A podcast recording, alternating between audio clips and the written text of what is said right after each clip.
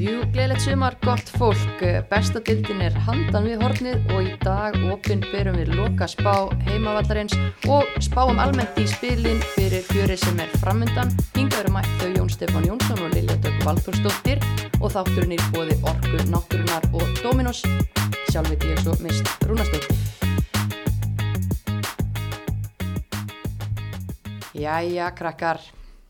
Fyrringu.is Ó já, Það er- stýttist í þetta. heldur betur Þetta er bara að skella á á þriðdægin.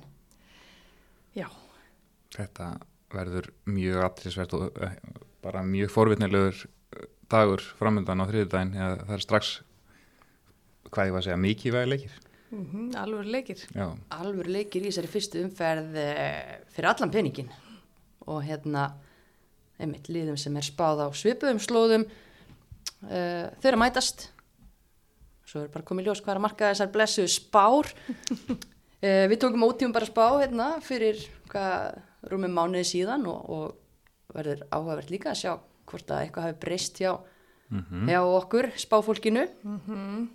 En hérna Já, það voru fleiri sem að voru að spá því þjálfarar og fyrirliðar uh, spáði í vikunni. Blikum spáð fyrsta sæti í þeirra spá. Mm og uh, Tindastól og Keflavík niður.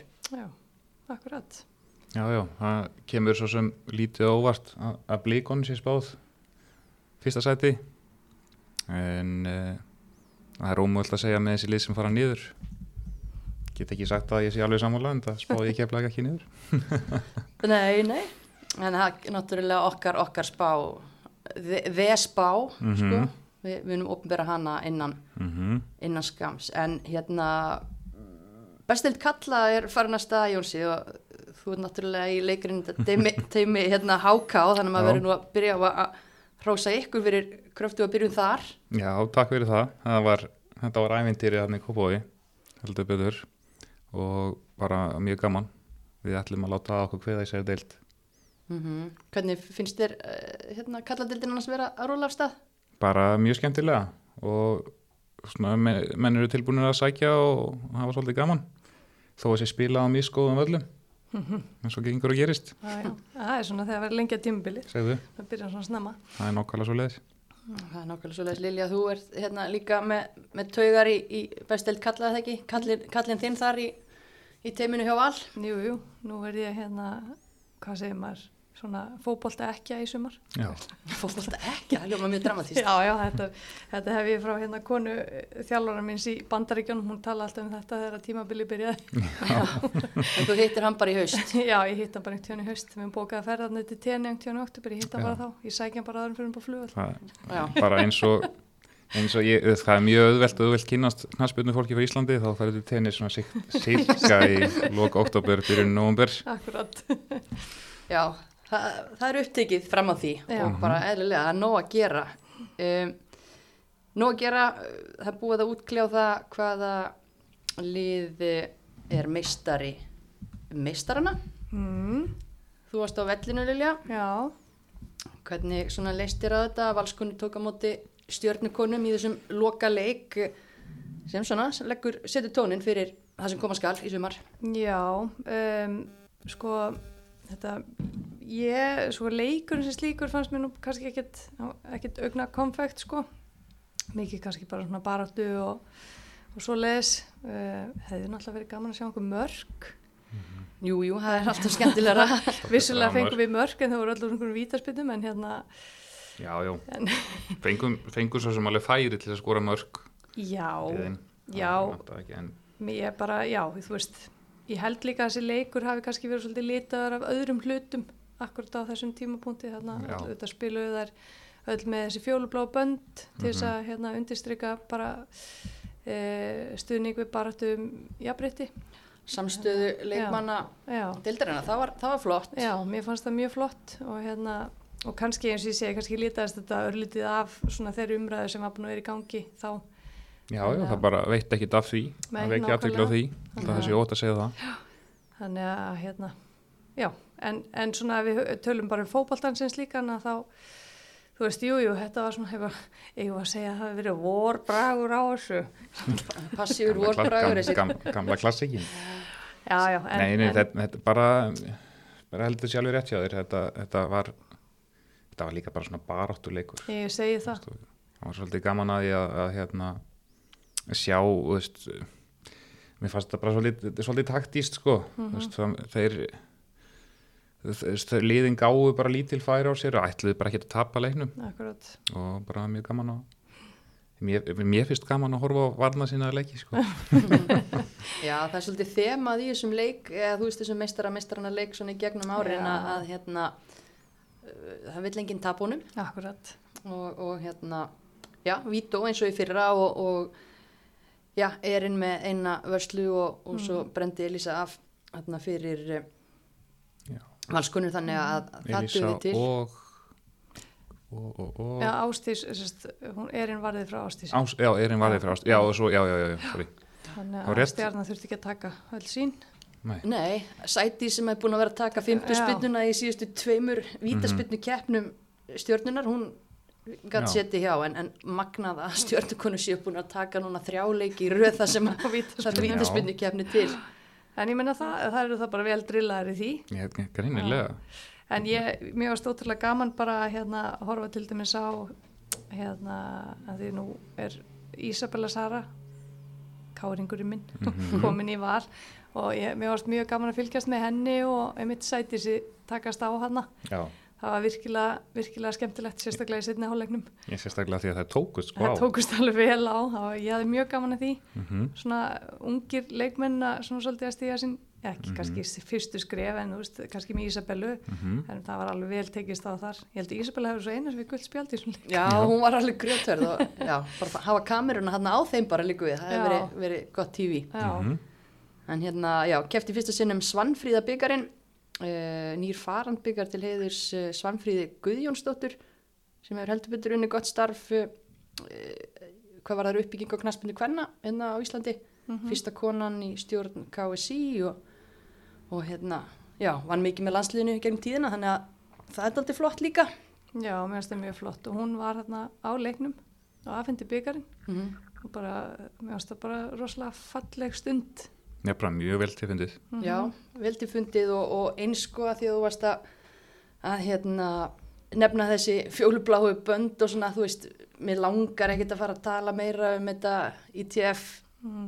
rugl sem er búið að vera í gangi, ég meina, það kom smá afsökunarbyðinni hérna á kynningafundinum, uh, en náttúrulega engin fantasi deild í ár sem er glatað uh, auðlýsingin með mjög skökkum kynja hlutföllum uh, með að þetta var að vera auðlýsing fyrir allt hérna brandið og, og báða deildir og, og svo náttúrulega auðvitað þessi upptökutími á markasefninu alveg, alveg galinn. Það kom afsökunarbyðinni, er, er þetta rugl búið? Já, það ætla ég rétt að vona því að þetta eru hlutir sem að er ekki droslega erfitt að hafa í lægi, sko. Og það er bara, þau eru að gera svo vel að hafa þetta í lægi. Það er eiginlega ekkert flóknar en það. Eins og þetta með, jújú, jú, mannli mistök og allt það að búa að fundin Mhm. uh, á sama tíma, en samt sem áður og voðalega kjánulegt þó að hafi nú verið leiðrétt mjög stöttu setna. Já. Það bara bast ekki til leikmannuna, skils mér. Nei, mér fannst líka hérna, ef þið sáuð viðtalið við Elísu í, í hérna fréttonum Já, stötu. á stöð 2 þá hérna, mér fannst hún bara einmitt svaraði þessu bara óbúslega vel Mm og hérna veist, þetta er einmitt bara svona svolítið kodnið sem að fyllt í mælin, þú veist, þetta er ekki einhver eitt hlutur, þetta er bara svona uppsafnaðir uh, hlutir og atvik og, og allt þetta, veist, þannig að auðvitað, auðvitað gerast mistök en þegar gerast gerast trekk í trekk að þá er þetta bara svolítið þrýtt þannig, en ég held líka það sem að sé mikilvægt sé einmitt þessi samstæða sem að sem að er, virðist vera núna. Ég meira fyrirlega að skrifa hann undir yfirlýsingu og, og hérna standa saman í þessu og láta bara, setja bara nefan í borðið og segja bara, herðu, hinga á ekki lengra þú veist, að því að hinga til hefur það kannski bara vantað -hmm. og þú veist að, þannig að það sé tekið eftir þannig að hérna bara þannig að allir sjáu, þú veist ekki, ekki að við séum bara hundfúl út öll í okkar hodni sko, heldur bara nú stöndum við bara saman og við viljum bara fá við viljum fá þessu breytt, við viljum Já. fá okkur betra Já. Og við erum að geta treyst ITF til þess að halda bestöld hvenna á Já. lofti. Klálega, þeir vilja hafa þetta undir sínum hatti og Mhm. þá verða þeir bara að vinna þetta mérlega. algjörlega, Akkurat. Talandi svona aðeins örlíti meiri neikvæðni áður en að við förum í gleðina. En svo bara annað, ég menna KRR virðist heldur ekki vera með skipulagið á hreinu því að það er ekki ennþá búið að spila þennan blessaða úslitaleik Reykjavíkumótsin sem átti að vera spilaður í februar mm, mótið er að byrja á þriðdægin það er ekkit verið að, þú veist, þessi leiku verður ekki spilaður. Hversu Nei. daburt er það í þessari sögufrægu keppni, ég menna, jú, kannski hefur svona einhvern veginn, ekki kannski virðingin en svona uh, merking hennar eitthvað svona glatast aðeins í gegnum árin með tilkomu lengjubikars og, og annars en þetta er samt svona eitt af þessum stóru sögufræðu mótum og það er mikil heiður og mikil virðing í því að, að vinna þetta mót Já, ég menna, hafa ekki menn farið í sund með byggarinn og ekki hvað og hvað þegar, þegar þetta mót vinst. Já, ég bara þekki ekki nú vel. Þetta er sérst þannig að KRR er að klikka á tímasetningu fekar hann að liðin hafi bara ekki gefið kost á því að Þetta Þetta er smellur kannski ekki saman. svona begja blans að því að það kemur út bara prógram hvernig ég að spila mótið og síðan hérna og liðin hérna skiplega sér eftir því síðan þarf að gera breytingar og breytingarna bara ekki góðar þegar að leikmenn er í landsliðsverkefnum sko bæði A-landslið og U19 mm og það átt að færa þetta á veist, æfingavöll þróttar, ég meina kannski ekki alveg smart að spila ústættaleg alls ekki. þar. Og er svona ímislegt svona og Já, Veist, ég meina þjálfararnir segjast að hafa sínt vilja til þess að leysa þetta trúa en, því. en haf, aftur á móti ekki látið bjóða, bjóða sér hvað sem er. Hvað sem er. Nei, og, og sérstaklega þú veist það kom til lögur að því að spila minn með þú veist degja tveimur eftir að leikmenn voru að koma úr intens landslýsverkefni og annað stutt á milli leikja lið. og þú vilt bera vinningu fyrir úrslitaleiknum þú vilt geta stilt upp uh, þínu liði Já, já, og, og, og, en ekki á kostnað þess að- að leikir menn fari í meðsli eða álægverð og mikið þannig að Akkurat. þetta er svona já, já. hefði þá verið betra allavega bara þá að láta þetta láta leikin hjá þessum liðum í lengjubíkarnum bara gilda sem þannig ústaleik það hefði strax verið skárra. Ég held það að, fram. það hafi verið tillaga frá þjálfur, það var allan að hugmynd. Já. veist, ég veit ekki hversu langt það fór en, en hérna, ákveðat, það hefði það bara verið einlaust fín laust allavega, já, skárra en hann fari ekki fram. Já. það er allavega alveg en klart mér, ski- ég, mér síndist ég sjá hérna einhverju frétt að það væri nú ennþá vilji KRR að þessi leikur færi fram ég veit nú ekki hvenar það á að vera. Eftir, hvað, eftir mót eða fræðilegur það gerist þegar að Íslandsmótið byrja þá er ekki nema bara annar flokkur hjá félögunum spili þetta. Já, hvað, er, hvað er pointið því sko? En þetta er svona leiðilegt að því Já, að, að þú talar um að fara í sund með byggarinn þróttarar hefðu vilja að fara í sund með byggarinn í, Mhm. Í fyrra að brjótast inn í lögataslög en það var engin byggar til, til að synda með. Nei, já, þannig að, að þetta er svona annaður í röð og, Mhm. og maður svona, ah, en ok, við erum að tala um þessa hluti, reyndar alveg fáranlega lítið búið að tala um það að það sé ekki búið að spila úslitilegur Já, ekki auðvitað ég held ég sé ekki búin að lesa það á neinum fjölmiðli fyrir en bara í gær. í gær að Nick, Nick segir þetta í viðtali. Við erum náttúrulega lungum búin að tala um þetta. Já, já, já. en hérna uh, en það er líka bara mjög áhugavert þannig að Mhm. af hverju er það aftur ekki hlutur sem er bara frekar auðvelt að hafa í lagi Já, ég myndi halda það það er bara nákvæmlega svo leiðis já, ég hugsa það Já, en hérna, ok, úr um, þessu yfir í gleði, því að það vannst uh, gríðarlega mikið afreg líka frá því að við hittumst hér síðast. Mhm. U19 ára landslið okkar er komið í loka keppni EM. Heldur betur. Hú, ég ætlaði að fara að segja það, þú var stundum mér. Það er ekkit eðlilega geggjað sko. Og bara allt hrós á þessar stelpur og möggu Margreti Magnúsdóður Algjörlega. þetta er náttúrulega bara ég veist, við eigum bara að nota alveg lýsingur yfir þetta er stórkostlegur árangur hjá, hjá þeim. Já, og sérstaklega því að ég ætla að benda á það að þetta hefur verið talað um þetta bara frá fyrsta verkefni hjá þessu liði.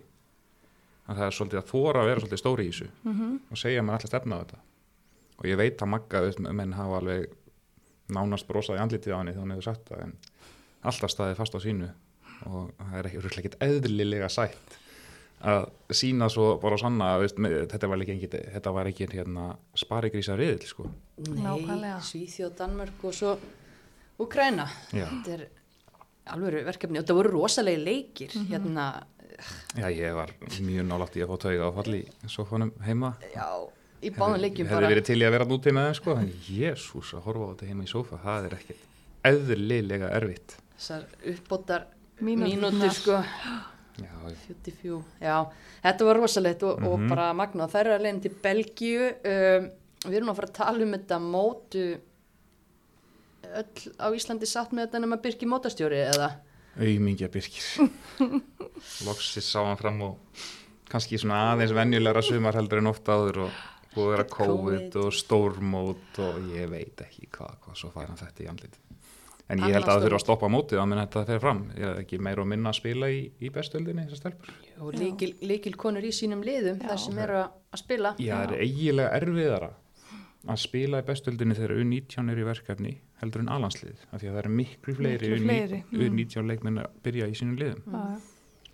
það er svolítið munurinn í ár versus í fyrra að það eru miklu fleiri að starta allan á undirbúinstíðanbylunu í stærra Mhm. hlutverki flestar. Já. Já, hann er guðblessi Birki. Já, og já, það hlýtur bara að fara að koma einhver tilkynning varðandi þetta eða þú þurf, ég meina, allir félögin sé byrjuð að sækja um, þurfa félögin að, að, falast eftir þessu, þú veist, er ekki bara átó að Jú, Það verða að að býða svara átó. þess að bara verið að býða eins eftir já, hvað kemur líka svo við komist út Já, já, það kemur, það stoppaði mig ekkert þar sko. Bara, já, ég er ótrúlega spennt og ég er ótrúlega stolt af, af Já. þessu liði. Eigum að vera það. Já, og bara líka náttúrulega við erum að minna á þess að strákana líka. Þetta er náttúrulega bara ótrúlegt að þessi sa- sami aldursópur beggja megin Mhm. komist áfram í Já, þessari þjóð og, Frábært. og og, hans strákum, bara geggjað sko. Já og Helga, Helga Dóttir setti mitt skemmtilega staðarendinn á Twitter, það eru bara tvær þjóðir í Európu sem eiga eh, lið á bæði U19 kalla og kvenna Ísland og Spátn og það ekki rétt hjá mér. Jú, hugsi ykkur, ekki einu sinni Þískaland, frakkar, ítalir. Nei, þannig að við getum alveg farið út með kassan og heldur og og, og kannski bara rétt líka að mæla með því að okkar besti maður gummi.net, hann tók viðtöl bæði við Ólaf Inga og Margreði Magnúsdóttur sem er að finna á hlavarfleitunni hjá fótbolt.net og mæli með bara hlustun því að Já, þau eru bæði að gera geggjaða hluti. mæli bara eindriði með flestum viðtölum sem gummi tekur Já. þetta eru ótrúlega skemmtileg viðtöl og líka viðtölum sem hann er að tala við þar sem hann er að tala við leikmennin í deildi núna að fá svona annars, annan vingil á þær. Já, skemmtileg Mikið upphitun. hrós, Mikið rós á gumma. bara frábært Mhm. og meira svona Akkurat, við erum að fá svona, já, mann, mannlegu hliðina, utan, utanvalla hliðina á, á leikmennum í dildinni og það er oft hluti sem koma bara mjög, Mjög skemmtilega óvart. Mm hann og, og Sæbjörn Stængi hafa verið svolítið í þessu og bara allt hrósa þá Já. Gekja, við verðum líka hrósa þegar það verður að gera Algjörlega. vel og, og kannski bara því tengt, mér finnst uh, bara flott umfjöllun og uppbytun í gangi bara á já, Já. flestullum fjölmiðlum. Já. Ég get allavega ekki sagt að ég þurfi að, að leita langt eftir efni sem er Nei, algjörlega. skemmtilegt algjörlega magnað vel gert, áfram, áfram svona. mm Uh, en hérna, já, við spáðum hana í spilinu daginn, uh, já, já, og það var ótíma bært. En, en hefur eitthvað brjálæslega mikið breyst svona almennt áður en við hendum í þessa lokaspá fyrir utan að stjarnan er alltaf að vinna leiki Í í vítaspyrnukefnum. Við alltaf vorum eitthvað aðeins að ræða þetta hérna fyrir þáttinn svona að fara yfir hlutina og það hefur kannski ekkit eitthvað, það er kannski engar stórkostlegar breytingar. búið að spila einhverja tvo leiki eða eitthvað síðan við hittust næri múl Svo erum bara liðið búin að vera einhverstaðar í æfingaferðum, einhverstaðar í sólinni og eitthvað. En nei, það hefur kannski ekkit, nei, kannski var þetta svona- bara mjög tímabær spá já, sem við vorum með síðast Já, það er nú samt smá breytingar. Svo ég segi það nú, svo að fólk ít ekki bara á stopp núna á, á Jú, ég vil bara segja þeim að stoppa þetta núna. Já, en nei, það er alveg hárétt hjá þér, það er náttúrulega eitthvað búið að gerast, eitthvað aðeins á markaðnum og, og, svona aðeins meira mótast hjá þessum li- Já. liðum, sko. Já. En ef við ekki bara demba okkur í lokaspá heimavallarins fyrir bestu dildina 2023. Jú. Tilbúin í það. heldur betur. Herðu, tíundasæti, það er breyting þar hjá okkur. Breyting. Og það verður nú ekki mjög ánæðar með mig ungu vinkunum mínar í Hafnafyrði. En hverja setjum við í tíundasæti núna? Við ætlum að setja að fá í tíundasettið. Það ætlum að gera það. Af hverju? hverju af hverju eru að breyta? Af hverju að setja það neða núna? Finnst þar bara ekki einhvern veginn líta nógu solid út og ég er talsmaður þess að þú beiki grunninn svolítið á því að geta varist Það geti gjör breyst eða gerir sem að ég hef heyrt að sé verið að kanna með sem er að fá hafsendin Og Það ég held verða að fá Ég held Hafsendin. að verða að fá hafsendin. Víkti setta hérna þinn gamli leikmaður eh, á króknum, hún er búin að spila miðvörð og Já. gera það vel, Já, það er ekki það, en hún er ekki miðvörður að, að nei, hún er það ekki og hún, get, eins og segir, gerir það alveg vel en, en það er erfitt að ætla að spila það í fyrsta skipti í nýliðaliði Já.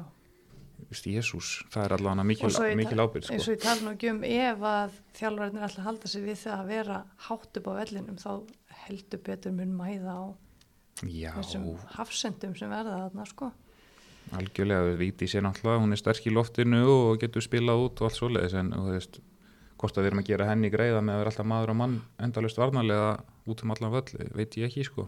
Hún hliðin á hann í Kortnung, Jónína Linnett Mhm. sem var endar Mhm. geggju núna með U16 í, Já, í verkefni já. og bara ótrúlega spennandi leikmaður en það er líka óreindur leikmaður Já. Já, þú veist, ef, þú, ef ég myndi segja við þið bara á þess að nefna nöfn að ég væri með Hafsend sem hefði bara spilað á kanti og frammi og kannski á miðju gegnum Mhm. sinn feril og svo væri ég meina 16 ára með henni, hvað myndur þú þá segja? Mhm.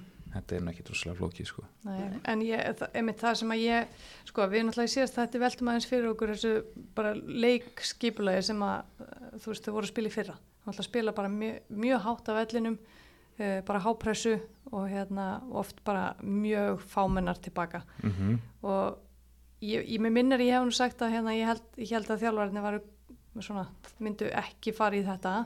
Mhm. En svo finnst mér þessum að sé heyra í svona viðtölum núna fyrir mótið eins og hérna, eins og kynningafundunum heyrði ég viðtalið við hana Sheinu. Það sem ég, mér fannst hún bara verið að gefa í skina að það væri bara svolítið uppleggi. Það ætluðu bara svolítið að koma óvart og ætluðu bara að fara hátt á völlin og keira á þetta. Sko. Þannig að ég, ég hef pínu áhyggjur. Já. Já. En Um, um leið og að verður örgulega stór skemmtilegt að horfa á þetta. Já, en þú veist, en, en, þú veist ef þú ætlar að gera þetta, þá voru þá voru að skora svo mikið að mörgum. Já, já. að því að þú ert alltaf að vera að veist, að ég veit það ekki, að því að svo kannski eru þær ekki búin að fá þessa leiki núna á undirbúinstímbilinu á móti þessum liðum Nei, sem það eiga eftir að mæta sem eiga eftir að refsa grimmilega Mm ef þetta tekst ekki upp. Já, já, alveg, alveg 100% verður mjög svona áhugavert. Ég reyna svona að horfa tilbaka. Náttúrulega var þetta COVID-tímabilið það ekki þegar þeir voru uppi síðast? Mm já. þá finnst mér samt eins og þeir hafi líka einhvern veginn vilja að vera svona hátt af vellinum. Já, en Mhm. er ekki alveg með það á hreinu jú, það var svolítið þannig. mm Og það er svona bara ákveðin einnkynni liðsins en svo það er náttúrulega bara já, aðlaga og, og, og þær hafa alveg átt fína leiki svo sem á undirbúinnstímbilinu til dæmis á móti Íslandsmeisturum Vals og, og annað þannig að það er alveg margt jákvæmt þarna líka en, en mann finnst kannski líka bara leikmannahópurinn ekki alveg nægilega stór það vantar auðvitað mm varnamanni svo við erum að nefna Já. Já. Kannski Og- ekki nóg burður til þess að einmitt fara í þetta sem að, og bara svo miklu leiðtógar líka hornir á braut og nú er hérna Sunneva komið bandið Mhm. og hérna það er bara mun, mun mikið mæða á henni, ekki bara í öllum Mhm. föstum leikatriðum og, og leikut á velli heldur bara að verða næsti leiðtói þessa, Já, Þessa liðs. það væri stórkost fyrir þetta lið að fá stelpu eins og Örn Eiríks að láni frá vali eitthvað slíkt snögg, það væri alvöru. snögg og sterk og góð maður og mann og, og slíkt og alveg karakter Já. Þær þurfi einhverja svoleiðis típu. Algjörlega, en hérna um, það sem við erum hérna í bóði orkunátturunar þá ætlum ég að byggja ykkur um að velja núna í hverju liði svona þá leikmenn sem þið sjáu fyrir ykkur sem líkil leikmenn, einhverju leikmenn sem verða onn fyrir þessi lið í dildinni í sumar. Og á sama tíma og ég byrð ykkur um að, að hugsa það þá ætla ég að eh, rosa orkunátturunar fyrir að sína samfélagslega ábyrð og standa með stelpum í fótbolta og hérna hvetja bara hlustendur okkar til að kynna sér þá góðu þjónustu sem að orkanátturunar hefur að bjóða. Það eru aðgengilegar upplýsingar á on.is frábæra lausnir í rafmaksmálum þar sem áherslan er líka á umhverfismál nýta betur og nota minna og við á heimavöllinu fílum það sérstaklega vel. Kristrún Rutt fíla það örgulega líka sérstaklega vel, selfisingur lesið viðtalið við hann á Já. fókbaltbúndi random hérna. En uh, já, bara orkunátturinnar framlegir og selur rafmagn á ábyrgan og umhverfisvænan hátt, check it out. Og uh, talandum leikmenn sem eru on hver er líkil leikmaður FH í sumar? Og ég, já, ég að byrja. Ég ætla að taka Seinu Já. sem svona náttúrulega erlendur leikmaður uh, er komið með reynslu á Íslandi bæði í efstu og næstustu deild. Kom með mitt sumar 20 og 2021 til Þór Káa og gerða mínu mati vel. Hendar mjög vel í þetta system. Er svona duglegur leikmaður er mjög teknísk þó hún sé ekki há í loftinu það er hún sterk. Og spilaði há level í bandrækjunum ef ég mann rétt. Þannig að ég ætla svona að taka hana sem þennan líki leikmann og hún mun rúglega mæða svolítið mikið á henni. Ertu sammála Lilja, ertu með eitthvað? Já, ég, ég, hérna, ég er að spáði að taka eina, hérna, því mér langar að nefna hann líka, hann Esther Rós. Ég, hérna, mér langar svolítið til þess að, já, mér langar að segja að hún verði mjög mikilvæg fyrir þetta lið. Hún hefur verið að spila vel fyrir þær og, hérna, já, ég held að hún hefur eftir að eiga gott tímbil og draga svolítið vagnin, hérna, verður svolítið leiðtögi þarna framar á vellinum með, Mhm. þessum, með þessum ungu to watch leikmennu sem við, kannski erum að fara að nefna Akkurat. Uh, talandu það, Mm. ekki bara skella í það, hver, hvaða leikmanni á að að hafa augun á í sumar. Þarf ekki endilega að vera ung en bara einhver svona sem að verður spennandi að, að fylgjast með. má ég ekki taka það því ég var svona tengja Ester við þetta sko Jú, gjör svo vel. að ég var að segja að hún þurfi svolítið svona að hérna, leiða en ég ætla að segja Hildikunur Ír og, og hérna, Já, ég, ég er bara alveg þar með þér já, sko. einmitt ég held að hérna, hún eigi alveg mikið inni Já, söðlarum, fer úr garðabænum, Mhm. yfir í Hafnarfjörð, nokkuð óvænt að margra mati, Já. en fekk lítið að spila í Garabænum öllu huga hana. já, ég held hún eftir að fá mikið og stórt hlutverk þarna og það verður gaman að fylgjast með henni heldur Já. betur Hún klári það. Við erum þarna saman já, Það er gott, loksins. uh, nýjunda sæti. Hverjum uh, spáum við nýjunda sæti í þessari tímabæru spá okkar? Tíma bara spá. Var það ekki mínar konur fyrir á króknum sem við settum þar? Jú, Eða mann rétt. Við, við Já, já. svissuðum hana. já, Þær hafa vissulega bætt við sig uh, nú mann ég ekki nákvæmlega hvort það er einu eða tvær tveir, einn eða tveir erlendi leikmenn. Voru að fá Sofí Dahl í fyrra dag Mm -hmm. Vantarlega bara svona allir að stækka hópin þú veist Sofí var með afturheldingu hann eða hitti fyrra, var það ekki? já, var, já, hún var ekki fyrra, var hún hitti fyrra. Það er svoleiðis, Mér minni það.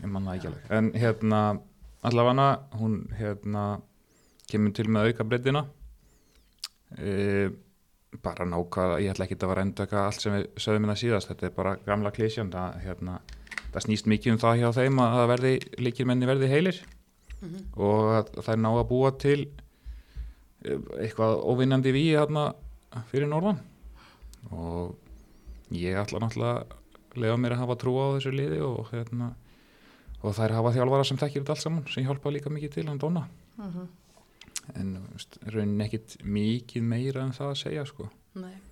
Hver verður onn fyrir tindastóll? Líkill, líkillinn í Í- skagafyrði? ég myndi alltaf að segja Bryndís Bryndi svona er náttúrulega algjör líkil kona, mikill karakter og, og frábær manneski á þeirri liði. Hún og mör náttúrulega algjörar svona svolítið máttastólpar og orðnar þaulreyndar Mhm. þannig að það er ekki spurning sko. Já, vorum, já, Mjúriel næst markahæst í lengjudeldinni í sumar, uh, svona kannski náði ekki alveg að- að koma sér almennilega á strik síðast þegar að liðið var upp í efstu deild, en það, Nei, og alltaf mitt og eitthvað svoleiðis þannig að ég er að vona hún sé heil núna ég bara hef ekki teirt hvernig staðan er á því núna. Nei, mitt. vonandi það. bara, Já, krossum fingur. Róast með þessi, þessi sjú- sjúkdómur sem að hún er með er örugglega ekkert að hjálpa til eftir því sem að maður verður eldri sko. Akkurat, En ég hef svo sem litlar ágjur af því ef hún er á svona sæmilum stað þá mun alveg skora í þessari dild. klárt. Hvernig verður spennandi að fylgjast með fyrir norðan? Það, ég get alveg nefnt nokkrar, en ég ætla að taka ekki svolítið óvænta því að hún löfið að harpa fór í, í breyðarbyggi fyrra og er svo komin heim í lán núna og ég held að hún sé svolítið svona í smá missjóni að vilja sína þetta er náttúrulega svo blíðasta og besta manneskja sem þú getur nokkuð tíman hitt en ég held að sé samt smá púkiðin að vilja núna aðeins hérna sparki einhver og sína þeim hvað, hvað hún er góður bakvöldu því að þetta er hún telur sig öruglega eiga, alveg eiga það skilið að spila í efstöld í góðu liði sko Mhm. og hún er vissulega í góðu liði núna þó að þessi ekki efstert og breyðablík en eh, já, hún hún mun sk- skína held ég í, á heima slóðum það sem minn líður best Ég ætla að vera sammála. Frábært. Ég er líka sammála. Ég er mjög spennt að sjá hana einmitt í, ég bara spila mínútur því að Mhm. maður er búin að fylgjast með þessari stelpu síðan hún var bara í yngri flokkunum og, og alltaf verið mjög hrifin af henni en, en til ég að sjá hana mm skína. heldur betur Mm. Um, höldum áfram. já, Áttundasæti, hverjar er að bjarga sér frá falli hjá okkur en ekki, ekki öllum öðrum? Keflavík. Mm Keflavík uh, hvað er nýtt þar síðan síðast? Uh, Mikala Nótt. Pétursdóttir komin á láni. Já, Þórildur er búin að ákveða að spila. Þórildur Ólafs, já, já, sem að styrkir liði mikið að fá þessar tvær. Ég er náttúrulega mikala minn styrkja þetta lið helling. Og tala ekki um Þórildi ég, ég veit ekki, er hún ekki búin að vera ægu í allan vettur alls svoleiðis Ég er bara- nefnilega, þekki það ekki almennilega, sko. Ég einhvern veginn bara bjóst við að hún myndi vera með. já, en hérna já, svo var það ekki tilkynnt fyrir bara núna daginn. Hakan var ekkit í gólfinu að Nei. sjá félagskiptin sko, Nei, en, hérna, en það er samt styrkur að, að hafa hana, sko. algjörlega Þannig að, en ég, eins og ég segi, ég veit ekki hvernig standi hún er, ég veit ekki hún sé búin að ræfa. Nei. En það er talandum í standi að því að Linli Tú uh, kýmneski markaskorarinn hún hérna, er náttúrulega lítið búin að vera með á undirbúinstímbilinu en við erum svona sem að hún sé að fara að koma heil inn í tímabilið og skoraði tvö mörg núna í uh, æfingaleg gegn afturöldingu á dögunum. Þannig að, að það er líka plusleikmaður sem að þeir eiga inni svona frá búin að spila mikið með þeim. Þær verða bara eins og svo, svo gaman þessi frasi sko keflaði ekki alltaf keflaði ekki keflaði ekki þær verða bara mjög sterkar og verða vel skipulaðar og, og það er alltaf svolítið svona ég allan að persónlega mjög gaman að því að spila við þetta lið það er alltaf svona fætingur það er bara já. og það er ekki allir sem hafa gaman að því en þú verður að hafa gaman að því þegar þú mætið þeim að annars vinna þeir þig Já, Já. akkurat, heilræði hérna í bóði Jónsa. Uh, hver verður on? Eh, sko, mér langar að þú ert að, því þú ert að tala um fætingin, sko, þá hérna, ég er mjög hrifin að Kristrún Ír Já, og já. ég held að hún sé alveg leiðtóin til þess að draga þar allar í fætingin mm og hún verður svolítið líki leikmaður í því að draga þar í, í fætingin. Þannig að ég verða eiginlega að setja hana í, risakarakter já. Já, svona, ég er, ég er alveg með þér þar og, og mín skoðan á það, svona, sko. Já, hold, holdgerfingur svo litið fyrir þetta keflavíku Já, algjörlega. já, þú sammála eða? Ég bara hjartalega sammála, ég get alveg sko, nefnt aftur bara, ég nefndi hana líka síðast hana Limli, tú, tú sko, mm veist, hún, hún verður mjög spennandi Mhm. að fylgjast með og verður, en Kristrún er, þetta er, er allt saman gott og gilt. Já. En talandu um, þú ert spenntur að fylgjast með Linley 2, eru, eru fleiri leikmenn sem að við erum spennt ég, að sjá? ég ætlaði nefnilega að segja Linli tú Já. sko í hversu Já. svona gaman að fara að Ég- fylgjast með sko. Sko, ég, ég skal alveg henda inn sko einu nafni þar í viðbót í henni Amelíu Rún Fjálstöð, Já, en ein ung stelpa, hún hefur verið viðlandi 19 Mhm. og ég held að hennar hlutverk sé bara að stækka og stækka. og Akkurat. verður bara mjög spenntur að fylgjast með henni og eins enni Mikaelu nótt. já, Það er bara einfallega staðan núna finnst mér einhvern veginn vera komið að sumri ungu stelpnana svona þannig þar eru fleiri og fleiri Já. að fara í, í líkilutverk í sínum liðum sem að kannski helgast einhver út af því að það eru fleiri út í alveg mennsku já, þannig að þetta er allt saman mjög jákvætt af því að við eigum að vera þessi deild sem er að við eigum að vera plattform til þess að fara lengra Mhm. mhm, Algjörlega. En fyrir lengra, sjöndasætið, það er bara óbreytt hjá okkur frá því síðustu spá. Hmm. Vestmannegar, IBVF. það er smenniðar ég var svona aðeins að ups, já, IBF alveg hár rétt Uh, Það eru að sækja markmann, það er nú held ég svona einu fréttinnar sem hafa borist eða ekki.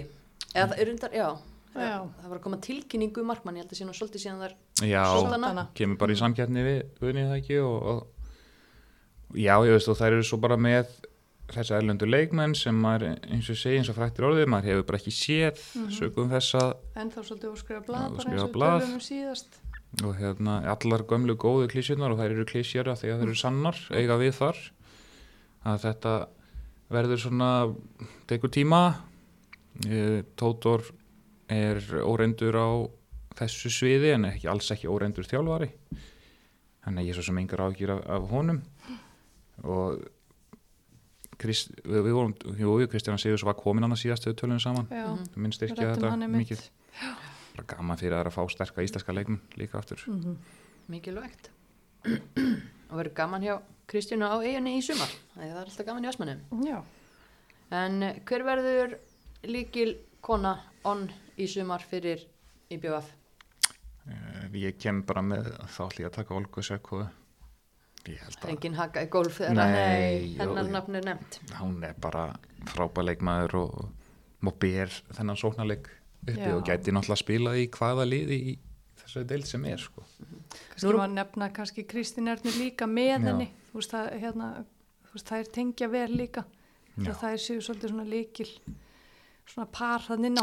Já, þú veist, sérstaklega í því að leiða liði fram og við að skora mörg já, því að þarna eru bara svona mikil einstakliskeiði og Kristín er að klára sín færi yfirleitt mjög vel. Já, og er líka, ég veist, nú er ég reyna svona að rifja upp hvernig hún var fyrra árum, ég veist hún bara svona setna árum allan og verða alltaf svo mikið betri og betri í svona target center sko Já. og betri í bóksinu sammála því.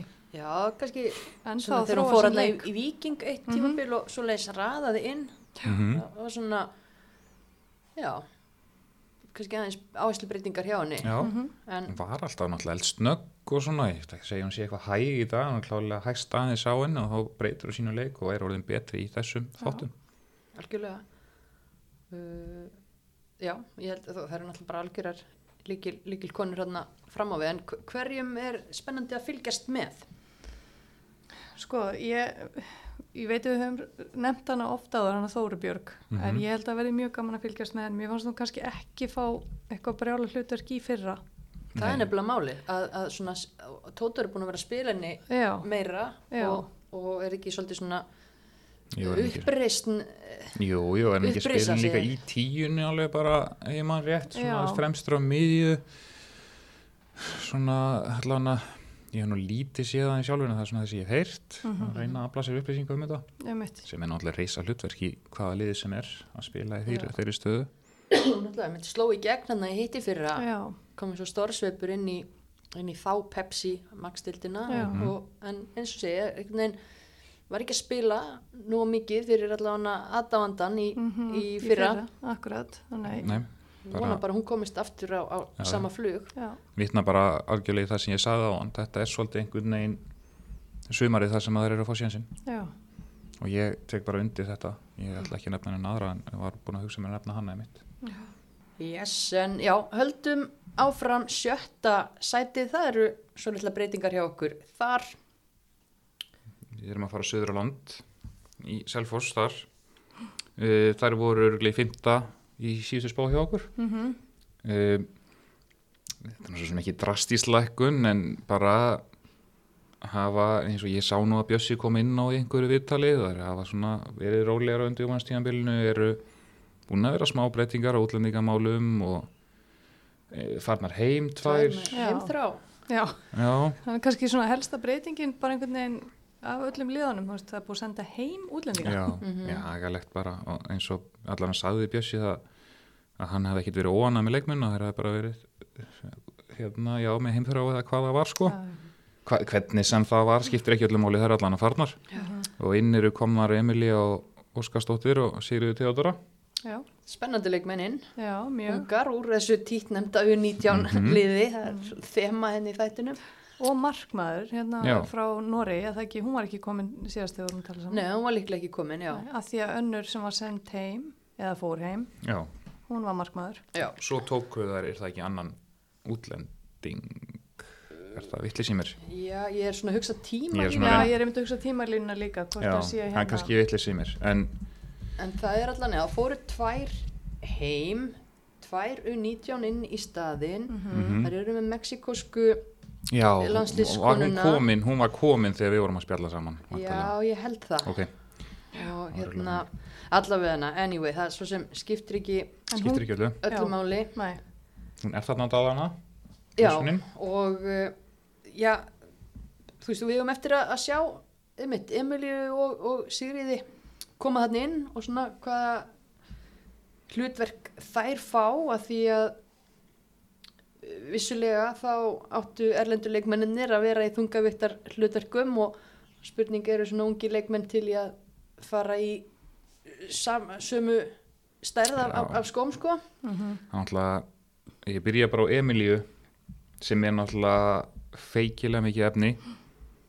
Ég hef verið með henni þarna úti svo tekið brennul og vera. Og það er náttúrulega alvöru skóra að fylla í sko. Já, mjög kræfjandi og gríðarlega ólíki leikmenn. Mhm. alveg bara mjög ólíki leikmenn Emilía mun alveg klálega standa sig og hérna, ég hef engar ágjur á því en það verða samt fleiri þarna fram á því þá að koma eitthvað bara þetta snýrist nú svolítið um brennu í fyrra já, Já, bara mjög, mjög- mjög mikið og, og Mýrandu sem er eh, líka Já, farin sem er að líka hætt, farin, já. hætt Sem í er hætt. fólkvöldan.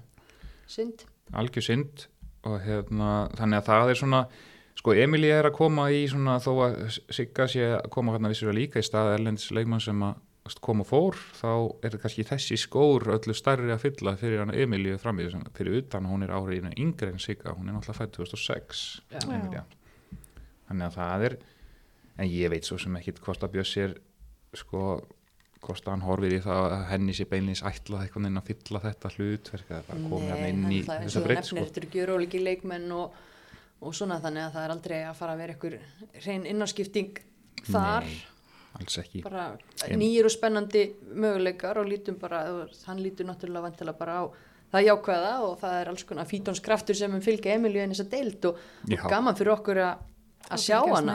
Já, ég að bara vona að hún verði alltaf tekin í viðtöl eftir leiki. Það er mjög gaman að, að fylgjast með henni í, í slíkum Ok. aðstæðum og, að spjalla því þessa stelpu. Þetta Ok. er mikill fagmaður. Takið þetta Til ykkar ykkar, punkti já. hjá Já. okkur fjölmenna menn. Já, En ég, já, í Svelfosliði bara uh, voru með mjög sterka erlenda leikmenn í fyrra, eru núna kannski meira að byggja á yngri kynnslóðinni og meira innlands. Uh, frábært fyrir hérna í rauninni deildina eða sérst uh, KSI eiginlega að segja bara, mm yngri landsliðin og allt slíkt.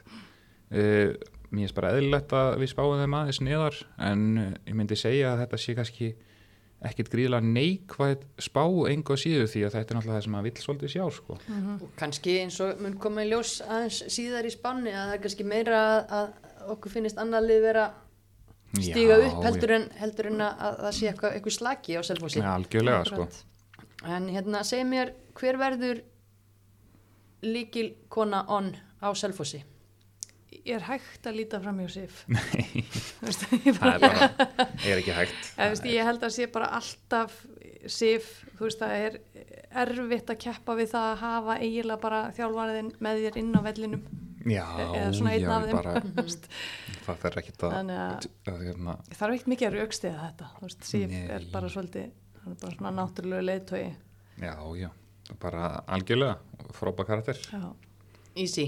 Mjög easy Já. og við erum nú kannski búin að ræða svolítið um hver er spennandi sko. Já, maður er spún að taka það. Það fyrir kannski ekki að, allavega svona það sem ég hef, hefði Já. málulegja þar, ég veit ekki hvort að, má kannski nefna Áslöfu Dóru líka. já, bara, veist, hún er búin að vera að gera vel og ég held að hún er bara eftir að bæta sig ennþá meira við það að, ha að hafa sig fann við hliðan á sér mér ást hún bæta sig mjög mikið í fyrra og Mhm. hérna og, og tekur greinlega líka leiðbenningum bara mjög vel og því að sig var svona svolítið að stýrinni já, og hérna ég held að hún er bara eftir að verða ennþá öflur í sumar já, mjög og góð. það er bara að ná einhvern veginn þá alltaf betur og betur saman þannig að við höfum gaman að fylgjast með henni að því að við elskum líka að fylgjast með varnamönnum Jú, það er jú, við erum svolítið varnarsinnuð hérna. Já.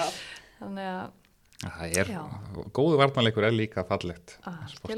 Gullfallegt sport, það er ekki það. En hérna, eins og ég, ég er mjög spennt bara að því að við erum ekkert búin að sjá Emilíu nema jú, við sem horfum á sænska boltan um, síðan að spýtast stundum inn á þarna Já, já, lokinni á Kristjánstad og, og hún er bara svo skemmtileg leikmaður á að horfa og síðan í yngirlandsliðnum annað þannig að ég er, ég er mjög spennt að sjá hann að máta sig í, í sér bestu dild já, já, ég vona bara Það er svona, sko, en dæmi með viðtölinn sko, að ég vona bara að hún mun að spyrja Bjössa þegar hún kemur inn á í fyrsta leik hvorum kantinum hann eigi að vera á því að hún lendi því út í okkur stað og hún var að koma inn á sínu fyrsta leik í sænskúrlinn og vissi ekki hvað leikstöðun ætlaði að spila Já, ok. glemdist bara Henni var alveg sama, Já, en bara fóru á annan kantina voru við spáðum þar í smástund Nýtt kerfi, beta, hérna, búin að setja upp eitthvað.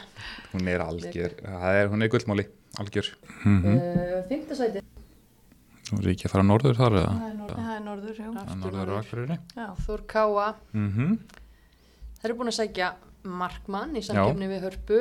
Já, Uh, Mhm. annars hefur ekki, Herri, já, ég ætla að fá að leiðrétta eitt hérna sem að ég sagði svo skemmtilega hérna síðast að hún hérna hafsendin, hvað hún heitir aftur hérna, þetta er nú Dominique. bara já, hún uh, á mann í bandaríkjónum, þetta er ekki ekki konunnar tanni en þær eru hins vegar vinkonur.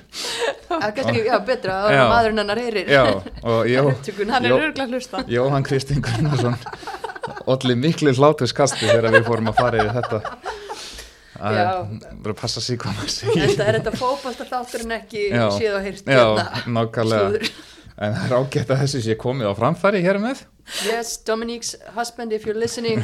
yes. Yes, don't worry. She, she has not found a new, new, Spás. já, new spouse here Þetta, er mjög, mjög gaman að þessu Já, gott samt líka að fá leiðréttinguna. Já, já, mikið vægt, ljúft og skilt að leiðrætta þetta já.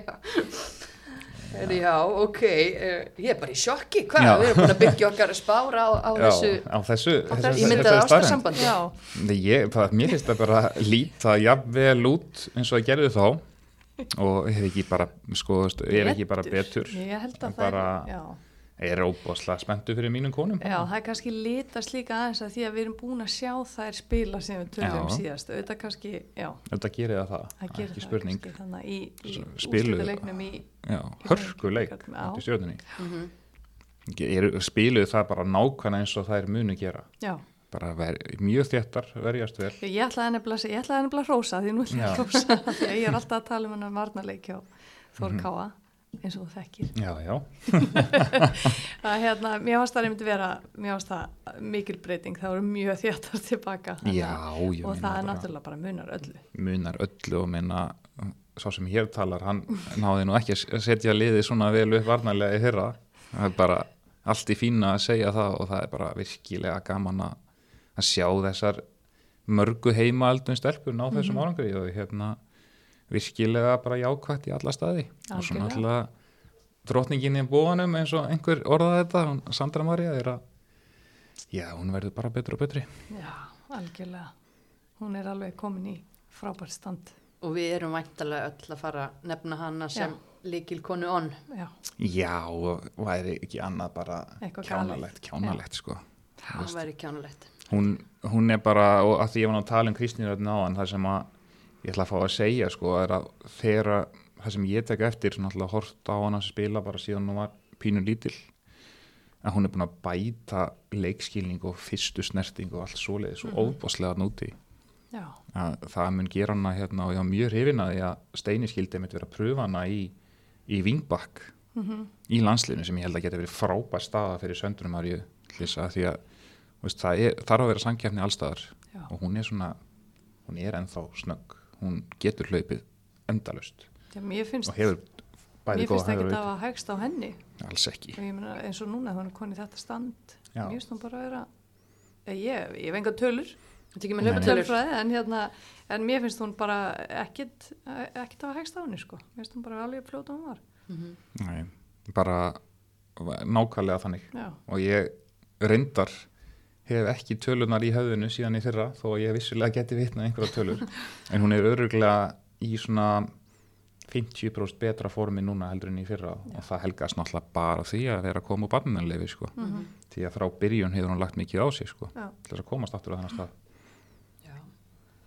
hvað viltu ég nefni margar Já. spennandi að bara ég það. loki á Jónsa, farðu og fáðu kaffi. já, Lilja. Sko, ég, ég ætla að byrja á að segja Ísfold. mm Ég sé að, Jón Stefán, þú, þú hérna Ég fæ æsi. að, ég, vilt að ég fari líka niður lista en ég ætla að segja líka Jakobína. Mhm. ok, Já, og ég ekki bara að segja stopp. Nei, já, ef ekki bara segja það í bili ef að taka þær kannski svona fyrst Er það ekki bara frábærir verðið kandidatar í, í Jú, þetta Held gig? ég. Jakobína byrjunarliðsmaður í þessu frægaðu 19 liði. Hassend bakvörður hefur leist djúpa miði í því liði líka Rísa karakter og myndir ekki trúa því að þessi stelpa væri á þeim aldrei að því hún var að tala um fanni hérna fyrir þátt sko hvað hún væri Mm. þróskuð og svoleiði sko sem komur liðin á eftir markmanni á val þá hérna minnast á Jakobínu núna að það er bara frábæð karakter og Ísvold er kannski svo sem að hún er kannski minna þekkt en hún hefur nú spilaði alveg stærra og stærra hlutverki í fyrra. Var hún ekki að spila fram í hún spilaði, sko, jú, hún spilaði fram í úrslagafnum hún Já. spilaði sexu hjá mér og Perry. Já, við spilaði sexu, áttu og tíu. Við spilaði líka hæri bakvörð og leisti hafsend hjá Þór Káa líka á þessu undirmast Já. það er talandi með það fjögur fjörlega leikmaður. Og er líka í þessu 19 liði eins og Já, ég er líka í þessu 19 liði ég ætla að leifa mér að segja og ég held að Æsi væri bara að sammúla mér að hennar sterkast að það sé að vera sexa ég er ok. Er hún ána með það, gænlap getum við notað það nota þættinum? Þið megi nota það, ég held að hún verði bara ána með það Þetta er þetta. Æsi. Töff. Það er núverandi aðstofþjálfari hann það er ennþá Þór pressa á henni núna sko. Æsi þetta er ekkert eðla gott nátt sko. Ég sé Þetta fyrir mér fyrirsagnar í sumar. Hún er allan ánæri með þetta heldur en ef þið kallið hana Ísold eða eitthvað svoleiðist það Já. fyrir töðunar á minni konu Já, ég trúi því. Það er fyrt margar rugla Já, með, með hennar nafn en, en hérna nú bara stimplar hún það rækilega inn í sumar og Æsi eða Mhm. Ísfold. já, Mátt velja. já, ég er Já. bara hvað sem að whatever makes you tick sko, það er bara nákvæmlega þannig sko. Kekjað. Já. Eitthvað fleira um, um norðankonur áður en við höldum áfram?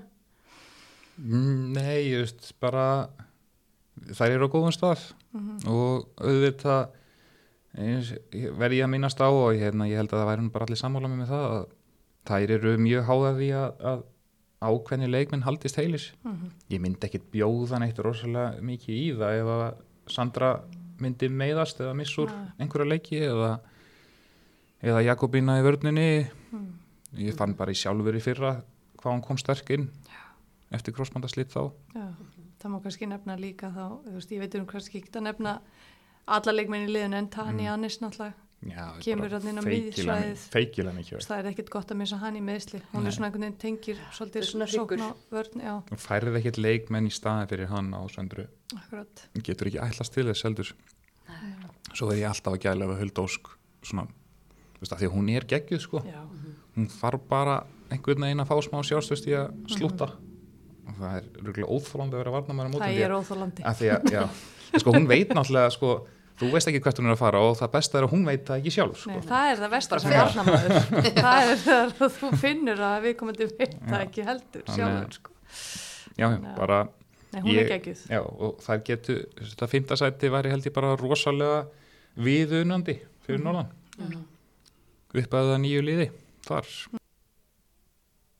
Jáp, og er það ekki bara áfram gakk í fjórða sæti, það er Já. óbreytt þar. Mm Uh, Það er þína konur. Að konur, það er mína konur, já, ekkert nýtt gerst á markanum. og, og þó sagan segir að það sé að hugsalega koma erlendur leikmaður Já, Ok. til þeirra ekkert gerst en mikið slúrað. já, það er ekkit gaman að þessu nema að sé smá slúður, góðin góður og hérna, allir það helgist ekki bara svolítið að því að náttúrulega það er munum missa til dæmis Ólusiku út í sumar og Já. slíkt sko Þannig að við erum að tala um sóknumann. allavega hann að sókna sína leikmann Ok. myndi ég halda Já, ekki fréttir fyrir Ég, mér. nú, Ég- sé, nú, nú, þegir mist hérna alveg þunnu hljóði Nei, nei, ég, ég hef hýrt uh, sögursagnanar en, en ég veit ekkit meira, meira en það en, en það kem ekkit á óvart Nei. uh, eins og við talaðum áður við höfum verið að tala svolítið um og tölum síðast um að við værum kannski með svona fjáraliða bracket þarna efst og, og ef að það er einhvern tímann tækifæri fyrir þrótt að gera allögu að Íslandsmeistaratilli þá er það væntalega núna Algjörlega. og svo líka bara annarsætið skiptir líka alveg hellingsmáli Já. sko. Akkurat. Akkurat. mestadeldar sæti þannig að það fyrir engin kjálk í gólfi ef að það dettin Nei. einhverja viðbætur á, á síðustu sekundum mm um, en annars ég meina hvað hefur gerst hjá þeim en það er fengið ekki að spila þennan úrslita leik þannig að við erum ekki búin að sjá þær, Nei, nei. sjá þær í því. Um, er það búin að spila einhverja official leiki síðan? Bara, síðast? Ég er eiginlega ekki vissum að það hefði gerst. Uh, vantarlega fóru þær út í aðingaferð í millibiluna, ég er samt ekki klárað því heldur. Nei, held ekki. en fyrst að vera ekki að ljúa neinu hérna. Ekki ljúa meira. ekki ljúa meira. Sem þarf það leiðir þetta í næsta þætti. nákvæmlega, nákvæmlega en ég hérna ég meina þær verða bara mjög góðar. Við fórum vel yfir þær hérna síðast. Mhm. uh, eru með þjálfara sem er búin að vera með þær í gott ef það er ekki verða einhver 6-7 ár. Eh, bara hreinlega, nú ætla ég að passa með ljú ekki sko. Og hérna, það er gott að segja 6-7 já. Það er betra að vera svona svona aðeins á reiki með 5-10 ár, hann, Tvítryggja hann er sig. búin að vera með þær í 5-10 ár. Það er nokkuð viss. Svona. Uh, ég eru búin að bæta eins við sig og hérna og vonandi, ég, ég ætla að segja bara vonandi fá þær eitt leikmann í viðbútt því að það er eiginlega geggjað að, þá treysti ég mér alveg til þess að fara að sjá þær eins og segir réttilega slást af alvöru Alveg um to- við toppinn. já. og enn og aftur svo ég tönglist nú á því það er nú það eru þarna ákveðni menn sem líkimenn sem þurfa að haldast heilar eða heilir leikmenn, heilar konur heilar líkil konur hvernig Jú, jú. sem að koma þess út úr sér Já. uh, Já, talandu það, hver, hver er líkilkona on í þrótti? Ég, sko, fyrsta nafni sem að stekkur á mann er Katla Tryggvadóttir. mm Um, en hún er líka svona leikmaður sem að verður alveg óbúslega gaman að fylgjast með. Þannig ég geti eiginlega menn, Tveir fyrir einn? Já, svona tveir fyrir einn eiginlega, sko. En það er samt eiginlega ekki hægt að segja hana bara í svona gaman að fylgjast með. Nei, hún Hún svona fríról eitthvað heldur, þú veist, hún verður bara óbúslega mikilvæg. Men hún var efnilegast leikmaður dildarinnar í, í fyrra. Já, algjörlega. ég ætla bara því ég er nú maður stóru orðana þá ætla ég bara að segja það ég ætla bara fólk eigi að njóta þess að horfa á hann í sumar Já, því að þetta verði ef að allt er eðlilegt síðasta sumari sem hún spilar hérna á Íslandi í, í Billy Já, svo. Já, ég er bara alveg klára því, hann myndi síðan á alltjóðlegum leveli Mhm. það sem hún ber af inn á vellinum spilandi við stórþjóðir þá bara trúi ég ekki öðru en að, ekki nema það bara að hún ætli sér að klára mentaskóla eða eitthvað slíkt og bara ákveði sjálf en hún fær allan að tækifæði til þess að fara erlendis ef hún heldur svona áfram og Það svo, er þetta að vera í fjarnámi. það er þetta að vera í fjarnámi og hérna, ég veit að hún ætla sér þetta Mm mm. vill, eða hún hefur ætla sér þetta frá því að hún var smástelpa Já. og svo má náttúrulega henda Katie Cossins inn í spennandi til að fylgjast með þó hún sé vissulega líka líkil kona já. bara hún til þess að taka eitthvað annan nafn inn í þetta Já, líka bara, einmitt, að, það er gaman að horfa á hann að spila fótballta. Og það er nær hún, nær hún að fylgja eftir hérna, þessu frábæra sumri sem hún átti hitti fyrra. Þannig hvernig verður endurkoman? Það er mikið pressa. Það er mikil pressa, já, og, þú veist, en, en hérna, hún er bara svo ógislega góð í fótballta. Ég held að henni sé nákvæmlega saman á þessi pressa ég held einhvern veginn að það er upplýðið ekki þessa miklu pressu sko, ég, en hvað haldið að verði gaman að Ég horfa veit á það ekki, hún er að koma frá, þú veist, LA, Já. Angels, City, eitthvað, veist. frekar pressa að þóla veðri hérna heldur nokkuð tíman eitthvað sem sagt í fjölmjölum sko. en sko hug- hugsi ykkur bara að sjá þær tvær saman og ólus ykkur fyrir fram að bara fengi martraður ég var að fara að spila hafsenda móti þessu sko. Já, það er eiginlega bara svona, það sorglegast að við þetta allt er einmitt að Olla sé að fara. Skil ekki hvað hann er að hugsa að vera að fara út í Harvard Harvard? Hvað skóli er þetta? Já, nákvæmlega, glórulust Já. Nei, nei, en hérna auðvitað fögnum við því, en, en Já, fyrir já. okkur sem erum að fylgjast með hér, þá er, er það auðvitað svona ákveðin Já, Og bölva völustelu vinkun okkar, kennara í Kvennó fyrir að- að henni svona svona vel. Já, já, þetta Gerðu er það. algjörlega. ómögulegt Nei, nei, þetta verður við fáum nú að njóta þess að horfa á því spila einhverja, hvað, 16 leiki-ish, eitthvað svo leiðis það er bara, það verður nóg fjör Það verður nú fjör, heldur betur. Uh, höldum áfram, uh, förum upp í þriðasæti, það er líka breyting þar. Já, við erum að fara á hlýðarenda Mm Tvöfaldir meistrar síga niður um eitt sæti. Mér finnst mjög ósangjant að ég þurfa að fara að vera svo sem að þetta tilkynna það Já, sorry. en, en einar mínar konur hann í þessari deild en hérna, já já bara, við erum svolítið erfitt hérna á undirbjörnstíðanbylunu þó að mér finnist það nú að síðan á opnu sínum mikil meðisl, veist, ég heyrði þegar það voru úti ég man, sko 10-11 leikmenn meittir og Já, já. allt í skrúinni sko. Mhm. og hérna og það er náttúrulega yngum að kenna Nei. það er bara, mér skilst að það hefði bara meir og minna verið einhvers konar högmeðsl og eitthvað svo leiðis og umurlega frétti náttúrulega Þórdísir Hrönn. Einmitt, það er náttúrulega gerist í, já, eftir að við tókum upp síðast þátt. Já, og virkilega sorglegt bara bæði fyrir hana og fyrir liðið. Hún var náttúrulega góðu rönni hana í fyrra, heldur betur síðast í þriðjungurum var hennar og algjörlega. Sennilega hennar besta tíðanbíl í algjörlega sem hennar best tímbili fyrir þann maður var farin að hlakka til að sjá hana tengja tvö. Mm mjög góð tímbil en þannig að þetta var alveg skellur. Já, bara akkurat mikil skellu fyrir þær og og tóku allir að taki bara ég geti trúa því að það komi þarna erlenduleikmaður í runni hennar stað sko. Mm. án þess að, þú veist, nú er náttúrulega þannig að glukkin lokar fyrr heldur en fólk er vant, hann lokar Já. 27. apríl. Þannig að enn ekki langt að hann lokar. þannig að það, það fer allt saman að gerast Já, sem á að gerast. En e, það er ekki svo sé ekki efni við þarna sko. Nei, nei, og, og Og talandi gott það bættist, bættist í efniviðin því að þegar við sátum hérna síðast og tókum upp þá komu, þau eruðu tvö félagskipti það sótti Erlenda Sendir og Ísabellu Sörg Mhm. Tryggvadóttir frá KR já, þannig að, að það er nýtt, já ég nýtt nefndi blóð og, og tvo nefndi- markmenn. Já, tvo markmenn, einmitt við náttúrulega tölum aðeins um þessi, þessi markmanns mm þessi markmanns vandræði eiginlega bara ef maður segja það. -hmm. Þannig að það er allavega búin að tryggja sig þar það er allavega með vara Já. markmenn. Heldur ef betur. eitthvað upp á kemur en ég held að Fanny sé alltaf að fara að spila þetta. Það held ég líka. Það er bara, og, held ég og vona ég. Mm. Já, og bara annað væri skrítið. Mm. uh, en svona, þú veist er einhver sérstök ástæða fyrir því? Þetta var náttúrulega, við tölum um það hérna síðast að við áttum bara í mestu erfuleikum með að, úlend, úlend, offa líku við hvernig við röðum upp fyrstu þremur.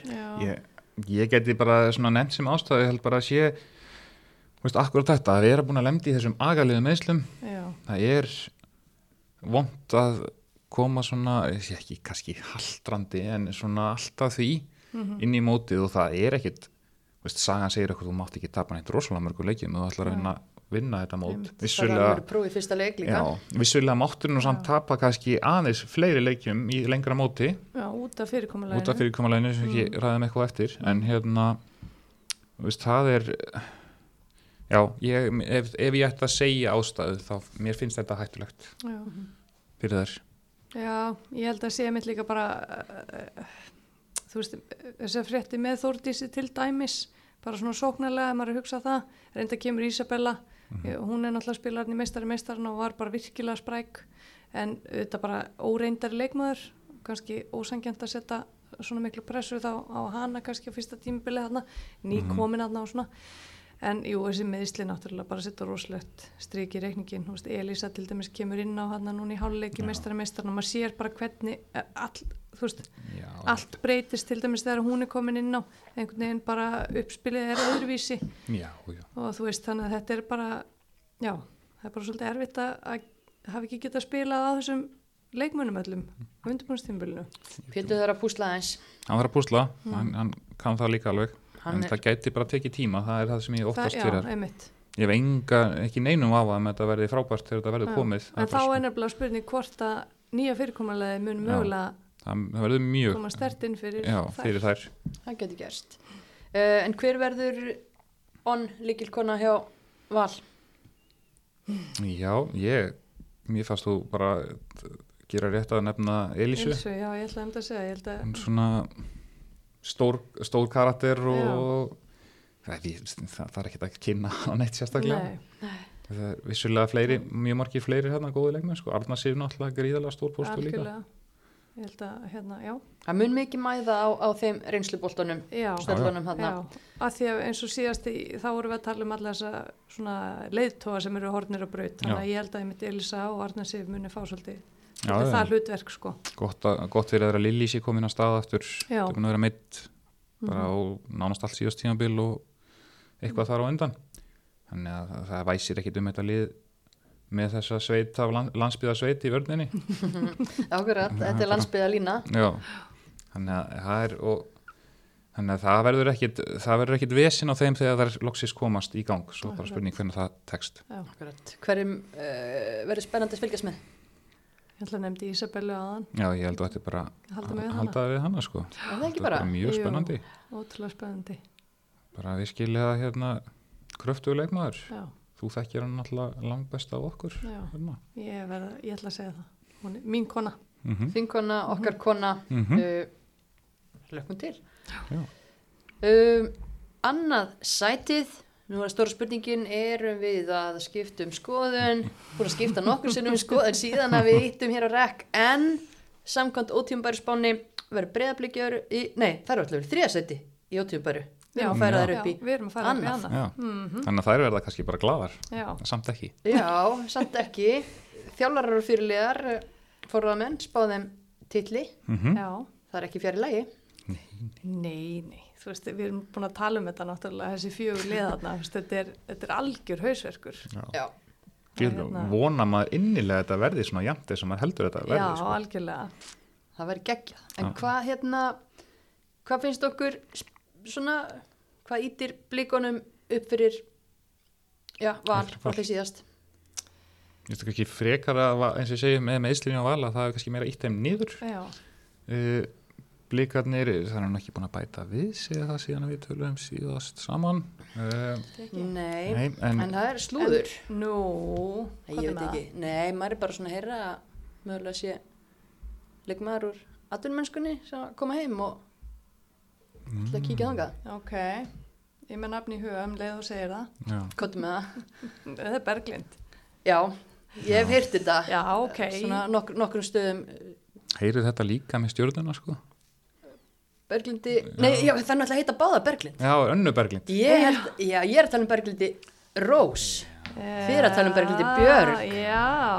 Aha, en ok, við getum þetta bara tekið í slúður sesjón, því Berglinda nöfnin, Já. þau eru að heyrast svona Já, já. hérna og þaðan. hérna Já. og Út þaðan. um kaupin og kappin. Ég hef meira heyrt Berglindi Björgu eh, í stjörnuna, Berglindi Rós í breðablík. Já. En ég veit ekkert hvort það sé nokkuð sannleikskorn í þessu, Ok. því að þetta slúður er ég ekki að fá úr innsta ring heldur er þetta bara eitthvað sem að berst með vindinum í, í Já. stúkunni á. Akkurat. það er langt skemmtilegast þannig Já, og þannig verða sögurna til. Já. Alls konar ástarsambund fyrir norðan og hitt og ég segðu, að- segðu, það er alls konar það er búið að segja alls konar vitleysu Já, það er bara ein regla þegar maður er að slúðra sko að maður má ekki hérna skapa einhvern óskunda sko Nei. en annars er allt í lagi að fara lauslega með, já, já með staðrendir. Já. Hérna, er svona uh, forvitnilegt að ef að, já, Berglind Rós, ef að hún kæmi, alltaf myndi gjörbreyta myndin aftur, en hérna, Ég segi ef að hún kemur þá já, hendi ég með bjasta. Já, En, en þú veist, þetta er bara ef, en alltaf bara, Ég er bara, hugsa, ég væri jafnvel bara með þér þar, sko. mhm, ég er bara, Af því að við, höfum, við töluðum aðeins um það mitt með hvernig það er náttúrulega mist hafsendana sína. Og það þarf alltaf að vera að búa til nýtt par hérna mhm. en að þú fær leikmanni svo Berglindi Rós þá náttúrulega já, er hún ekki að spila hún er hægt hafsend að vera hafsend, hún er byrjar að vera. Já, þá setjum við bara Katrin Áspjós í hafsend. Já, Já. Nei og svo náttúrulega líka hérna, ég er svo, þetta er svo erfitt að muna þetta svona nákvæmlega þegar við tókum upp hérna Mhm. með meðslenina Katrínar. Já, þá, við, ég veit ekki hvort við vissum Já, mögulega þá hversu- vissum við þetta er ekki, þetta er ekki alvarlegt. Já, einslæmt eins og var mögulega eða Hún, óttast í ætli hún, fyrstu. hún er ekki bara klár sko, ég, ég, ég, mér heyrist hún ekki verða 100% í fyrsta leik. Nei, Nei. nei, ok. Og, Það er- hérna, sem er náttúrulega Skellur. stór leikur. Þannig að já, ég veit ekki, en hérna já, nei, nei, einmitt, þetta er, þetta er svolítið snúið. Trufla mig ógeð. Já, en hvað segið þið með líkil konuna í velmennu breðablegsliði, hver er on? Ó, já ég, ég skal taka það. Ég held að Agla Maria eigi bara alltaf að vera þar. Já, já, fremst og efsta blaði. Sennilega einn besti, ef ekki bara besti leikmann í deildinni. Mm -hmm. allan einn þeim bestu það eru einn af þessum bara mjög mörgu skemmtilegu kampmunum í þessari deild Mhm. og ég held að við þurfum ekki að kynna hann eitt sérstaklega, bara mun mu- sóknarleikur þeirra byggist á henni Mhm. og hún mun uh, alveg öruglega vilja svona veist, taka svona alvöru tímabili sem maður segir sko þú veit ekki, hún alltaf alls ekki veist, hún var góð í fyrra en hún á alveg inni, fannst mér Já, minnst hún er að hellinginni. Já, já, þarf bara, já, með sig, heilt, heilt tímabil Já, Mhm. núna, minna rækilega á sig, já. en spennandi að fylgjast með. Mm, sko, ég held að það verði mjög gaman að fylgjast með Tony Presley. Já, Hún er kannski ekki ung og efnileg, en nei, hún er bara öðrum ástæðum sko. Það kemur náttúrulega með stór, stóran prófíl já, spila lengi í bandarækjónum í, í stóri deild og hérna bara með mikla reynslu. mikla reynslu og er sko, stór og sterk og gaman að sjá hann. Og þekki ég ekki sko típuna, ég hef ekki síðan að mm. ég sé hann að spila í sjónarfið en öðru sem að fyrir á vellin og maður gaman að sjá hvort hún sé ekki svona vókal að stýra þessu og svoleiði sko. Jú, ég held að það hafi verið eitt af þeim bóksum sem að blikar voru að reyna tikki þegar þau finna hana, ég menna þau voru bara í leit að hafsend og, og skáta og þau færði ekki mikið stærri prófíl en þetta til að Nei, spila á Íslandi. Akkurat. og ef hún er í bara góðu standi og formi og næra að tengja þarna við kollega sem hvort sem það verður Elín Helena eða, já, eða hvað að, að þá ætti þetta að vera bara algjör negla. Já, já, bara mjög mikið vett fyrir blíkan að hún verði góð því að það kom mér á óvart eh, stað, hvernig staðan er á hafsendamálunum manna, Elín Helena náttúrulega góðu leikmaður og allt það en þetta er, það er annað að vera þarna heldur en í keflaug fyrir mér er þetta bara, veist, hún verður að vera góð. mm -hmm. Veist, hún verður bara að vera yfirbúr. Já, allavega það er alltaf að vinna deildina sko. Það er það. alveg klart Ef það er alltaf að gera eitthvað, þá finnst mér að bara vera þannig að hún verður bara að vera góð. Þú berð þetta saman við til með valsliðið með sína hafsenda Já. og, og svona er þetta svolítið forvitnilega samanbörður Mhm. alltaf öðru sýppinging á þessu liði sko. Akkurat. algjörlega svo er líka bara áhugavert að sjá eins og með ása að finna liðið sitt. Hann er náttúrulega búin að þurfa að vera í endalusu púsli eða bara síðan hann verður þjálfari Já, breyðabliks, nú er hann með meiri völdi við því nákvæmlega hvaða leikmannahóp hann er með Mhm. en er hann búin að finna liðið sitt inn í sumarið? Það er líka já það- spurning bara, og, náttúrulega þú veist Katrín dottin út þannig að þá þarf hann aftur aðeins að Já. púsla.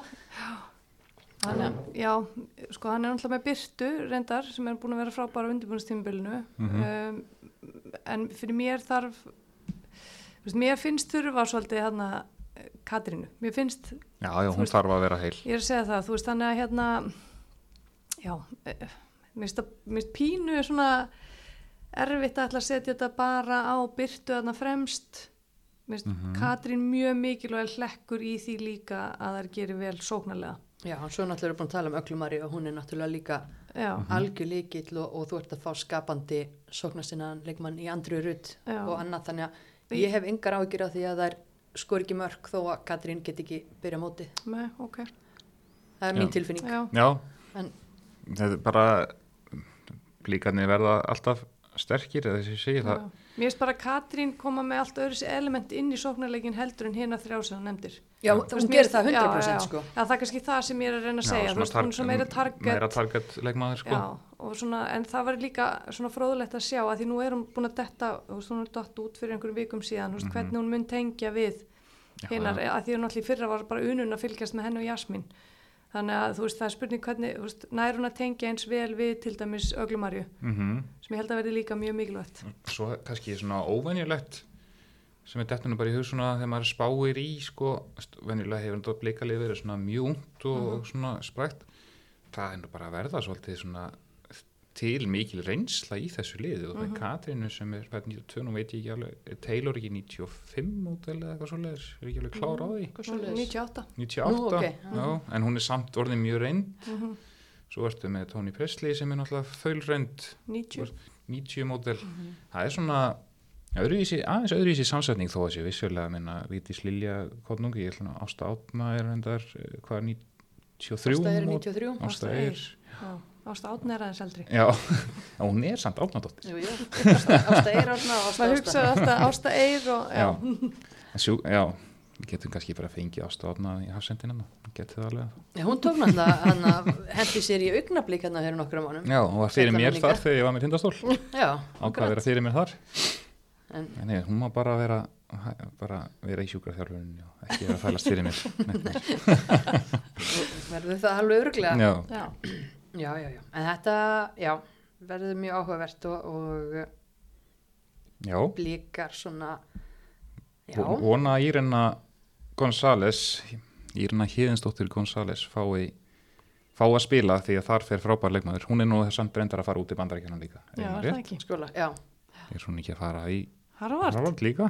Jú, það er íslensk slagsíða þetta er allt bara flugáa lið sem við erum með hérna inn á hópoltaðalinu Já. já, bara augljóst, þú sér það á svona leikmönnum. Ha, eitthvað er það.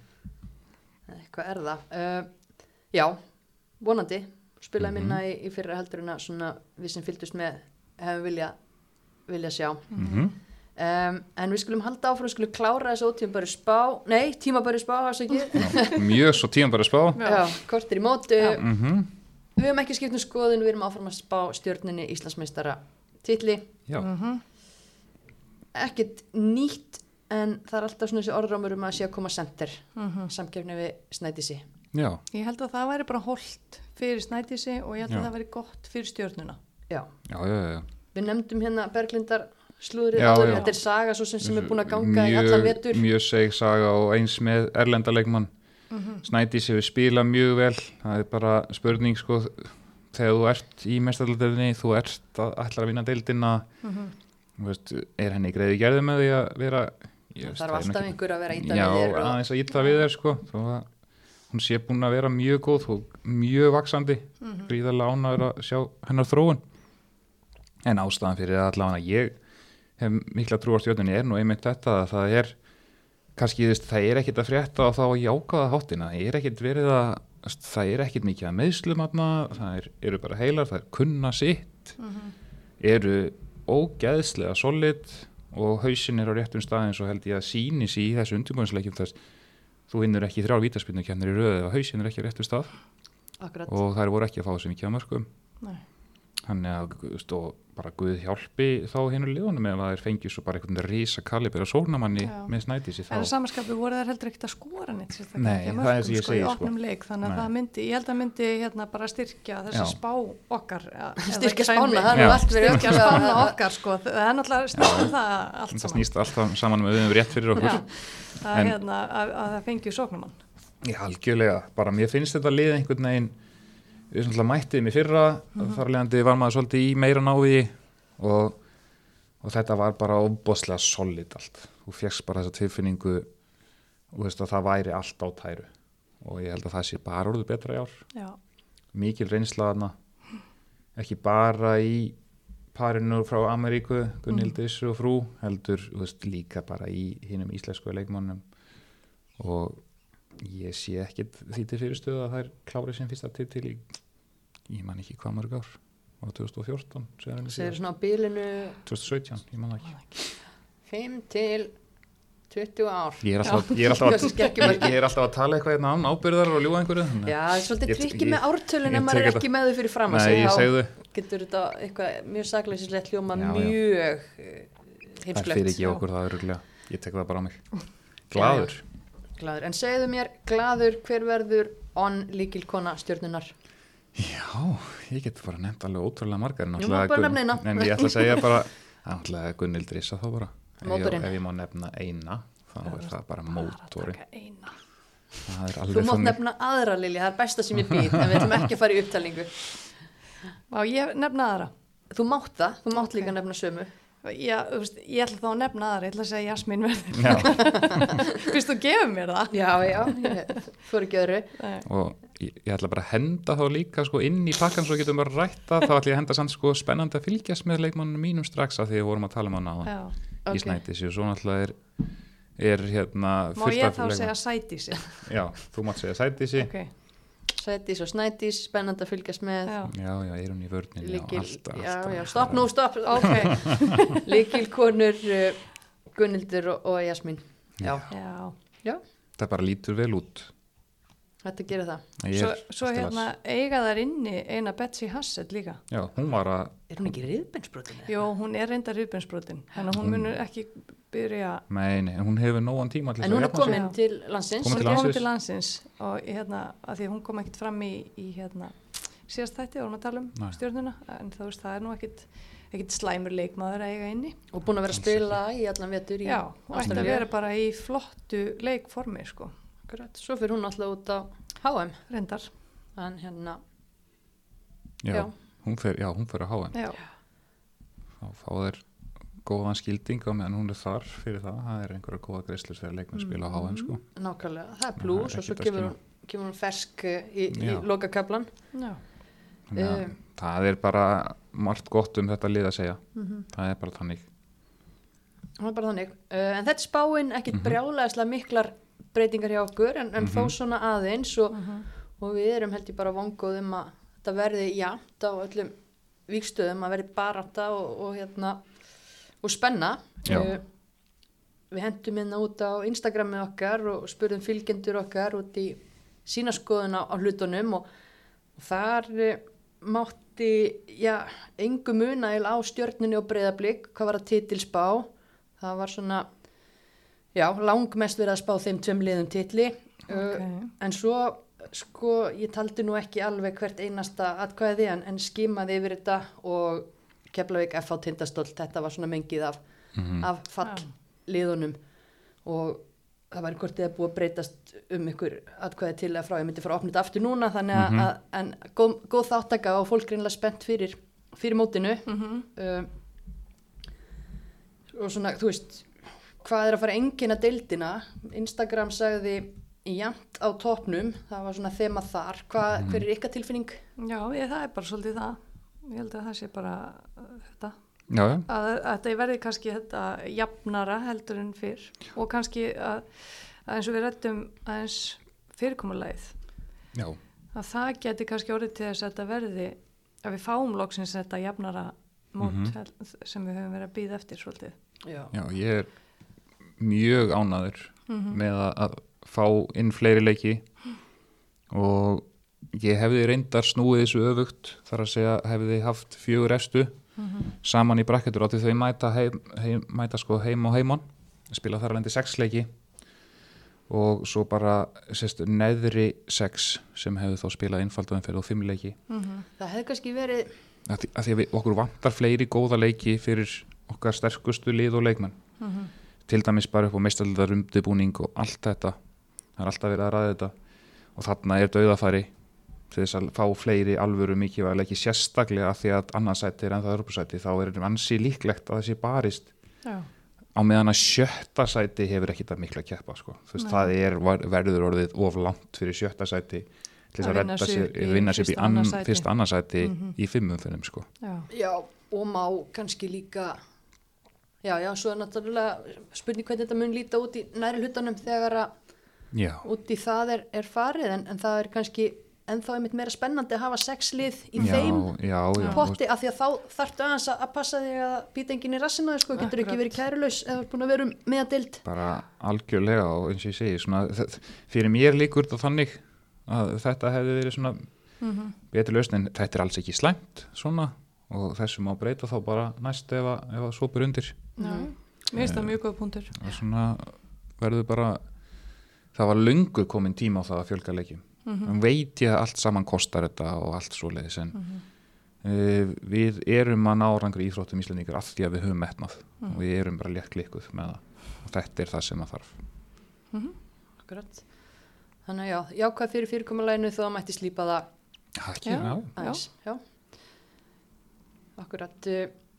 Hver eru marka hæst? Instagram hendir út þremun öfnum. Nú ætlum ég að tökja Ok. okay. þessu sammála. Sandra Maria, Jasmín Erla og Katrin Ásbjörns fengu flest atkvæði þar. Já, það er ekkit, ekkit rosalega erfitt að skjóta þessu nöfnum að í þetta. Akkur finnst mér samt eins og það vanti, lítast náttúrulega bara að því hún fer snemma út, en ég skal lofa ykkur því að þegar hún fer út þá verður Óla Sigga með Mark. þessum leikmönnum. Já, þarna inni. Það er engin spurning. Var Aglamari ekki hana? nei, Nei, hún var ekki hana og engin valsari, ekki valsari nefnilega. Engin dróttari, engin valsari, engin Agla Maria. Það, náttúrulega, þeir, það er þá bara verið að gera ráð fyrir Aglamari að að leggja upp fyrir Katrínu. Já, Já, já. það eru örugglega bara eins margar ástæði fyrir þessu vali eins og, eins og hérna, atkvæðin voru mörg, þau voru fjölmörg. Já, Bryndís á líka eftir að skóla helling. já Val, sko. ég held það nefnilega líka sko Já, það er meira, þetta er frjáls, frjálsland. Já, já, örgulega allavega 20 tilnefningar þó að þessar þrjár hafi Svona fengi fengi mest af, af Já. atkvæðanum, það er bara Mhm. þannig uh, ef að velja eina hver tekur guldskóin? Ég er alveg með hlutlust mat hérna yeah. til að setja söndrumar í þessu. Þá setjum ég það í. Jasmín. Okay. En besta varnalið, hvaða lið er að fara að halda oftast hreinu? Ég ætla, þetta er á milli vals og stjórnunar. Ég ætla, já, það er rosalega góð. spurning. Ég ætla að setja á val. Val, Instagram setti þetta á stjórnuna Já. Ég er að hallast að stjórnunni, sko. Það er ómögulegt að segja. Já, þetta er verið. Bara held að valur þurfi, það er munið kannski byggja meira á sínum varnarleik, sko. Já, já. En, Hvað veit maður? já, Uh, nýliði sem að pöbillin er spenntastur að fylgjast með í sumar mm það er kannski bara að lefa Instagram að eiga þetta, Já. bara almenningsálitið leikmenn sem að já við höfum, reyndar ekki ekki drætt um þá þriðju en, en tvær þar Ísabellu Söru Tryggvadóttur sem að er að skipta um lið ekki nýliði í deildinni en nýliði í nýju liði Emily Óskar sem er nýliði í deildinni og svo Fanny Inga Birkisdóttir sem er já. nýliði sem Já, all, var nú búin að ætla mér að minnast á hana Akkurat. sem hér farið tækifæri. Hér fæði tækifæri, ætla að minnast á hana sem spennandi leikmann í val, Já, að fylgjast með. fylgjast með. Bara virkilega efnilegur markmaður og, og, og ég talaði nú um að Katla myndi fara út og svo leiði svo næst árum. Þessi mun gera það líka sko, hún er bara með allt til að bera þess að fara þannig og fyrir utan að vera ég finnst eiginlega ótrúlegt að hún sé hvað 17 17-18 ára svona miða við það það er eins og ég veist að tala þið færtu að mannesku þú ert að tala við hana sko, hún er svo þróskuð og, og velgerð sko, þannig að það er bara verður mjög spennandi að fylgjast með henni. Mm er þetta ekki bara góði kandidatar sem að fylgjetur heimavallarins eitthvað nafn sem þið saknið þarna Já, þú veist, ég bara, viltu að ég telji upp allt við 19 liðið eða bara en þetta er sko, þetta er ný, nýliði náttúrulega Já, sko, já að nýliði, já, Já. já, já, þetta- en það getur Já. náttúrulega verið bara eins og Tony Presley nýliði, þetta Já, verður já. spennandi að fylgjast með en, en látum, þetta, látum þetta duga þarna mm Mhm. stóðsendingadrottning deildarinnar það, já, við að- Já, þið Ég var að býja eftir Instagram Viltu. Instagram fyrst? Instagram segir. Katla Tryggva Jasmín Erla Aglamarja, hvað segir þið? Já, ég ætla, fyrsta sem ég dætti við var Agla Marja. Já, já, ég, mér finnst þetta mjög Mér finnst það góð listi. Já, Þetta er nefnilega ekki vitlausir fylgjendur heimavallarins Nei. það er bara ekki þannig, þetta er spot on spot on Ok, uh, hvað þjálfari er hérna skemmtilegastur í viðtölum?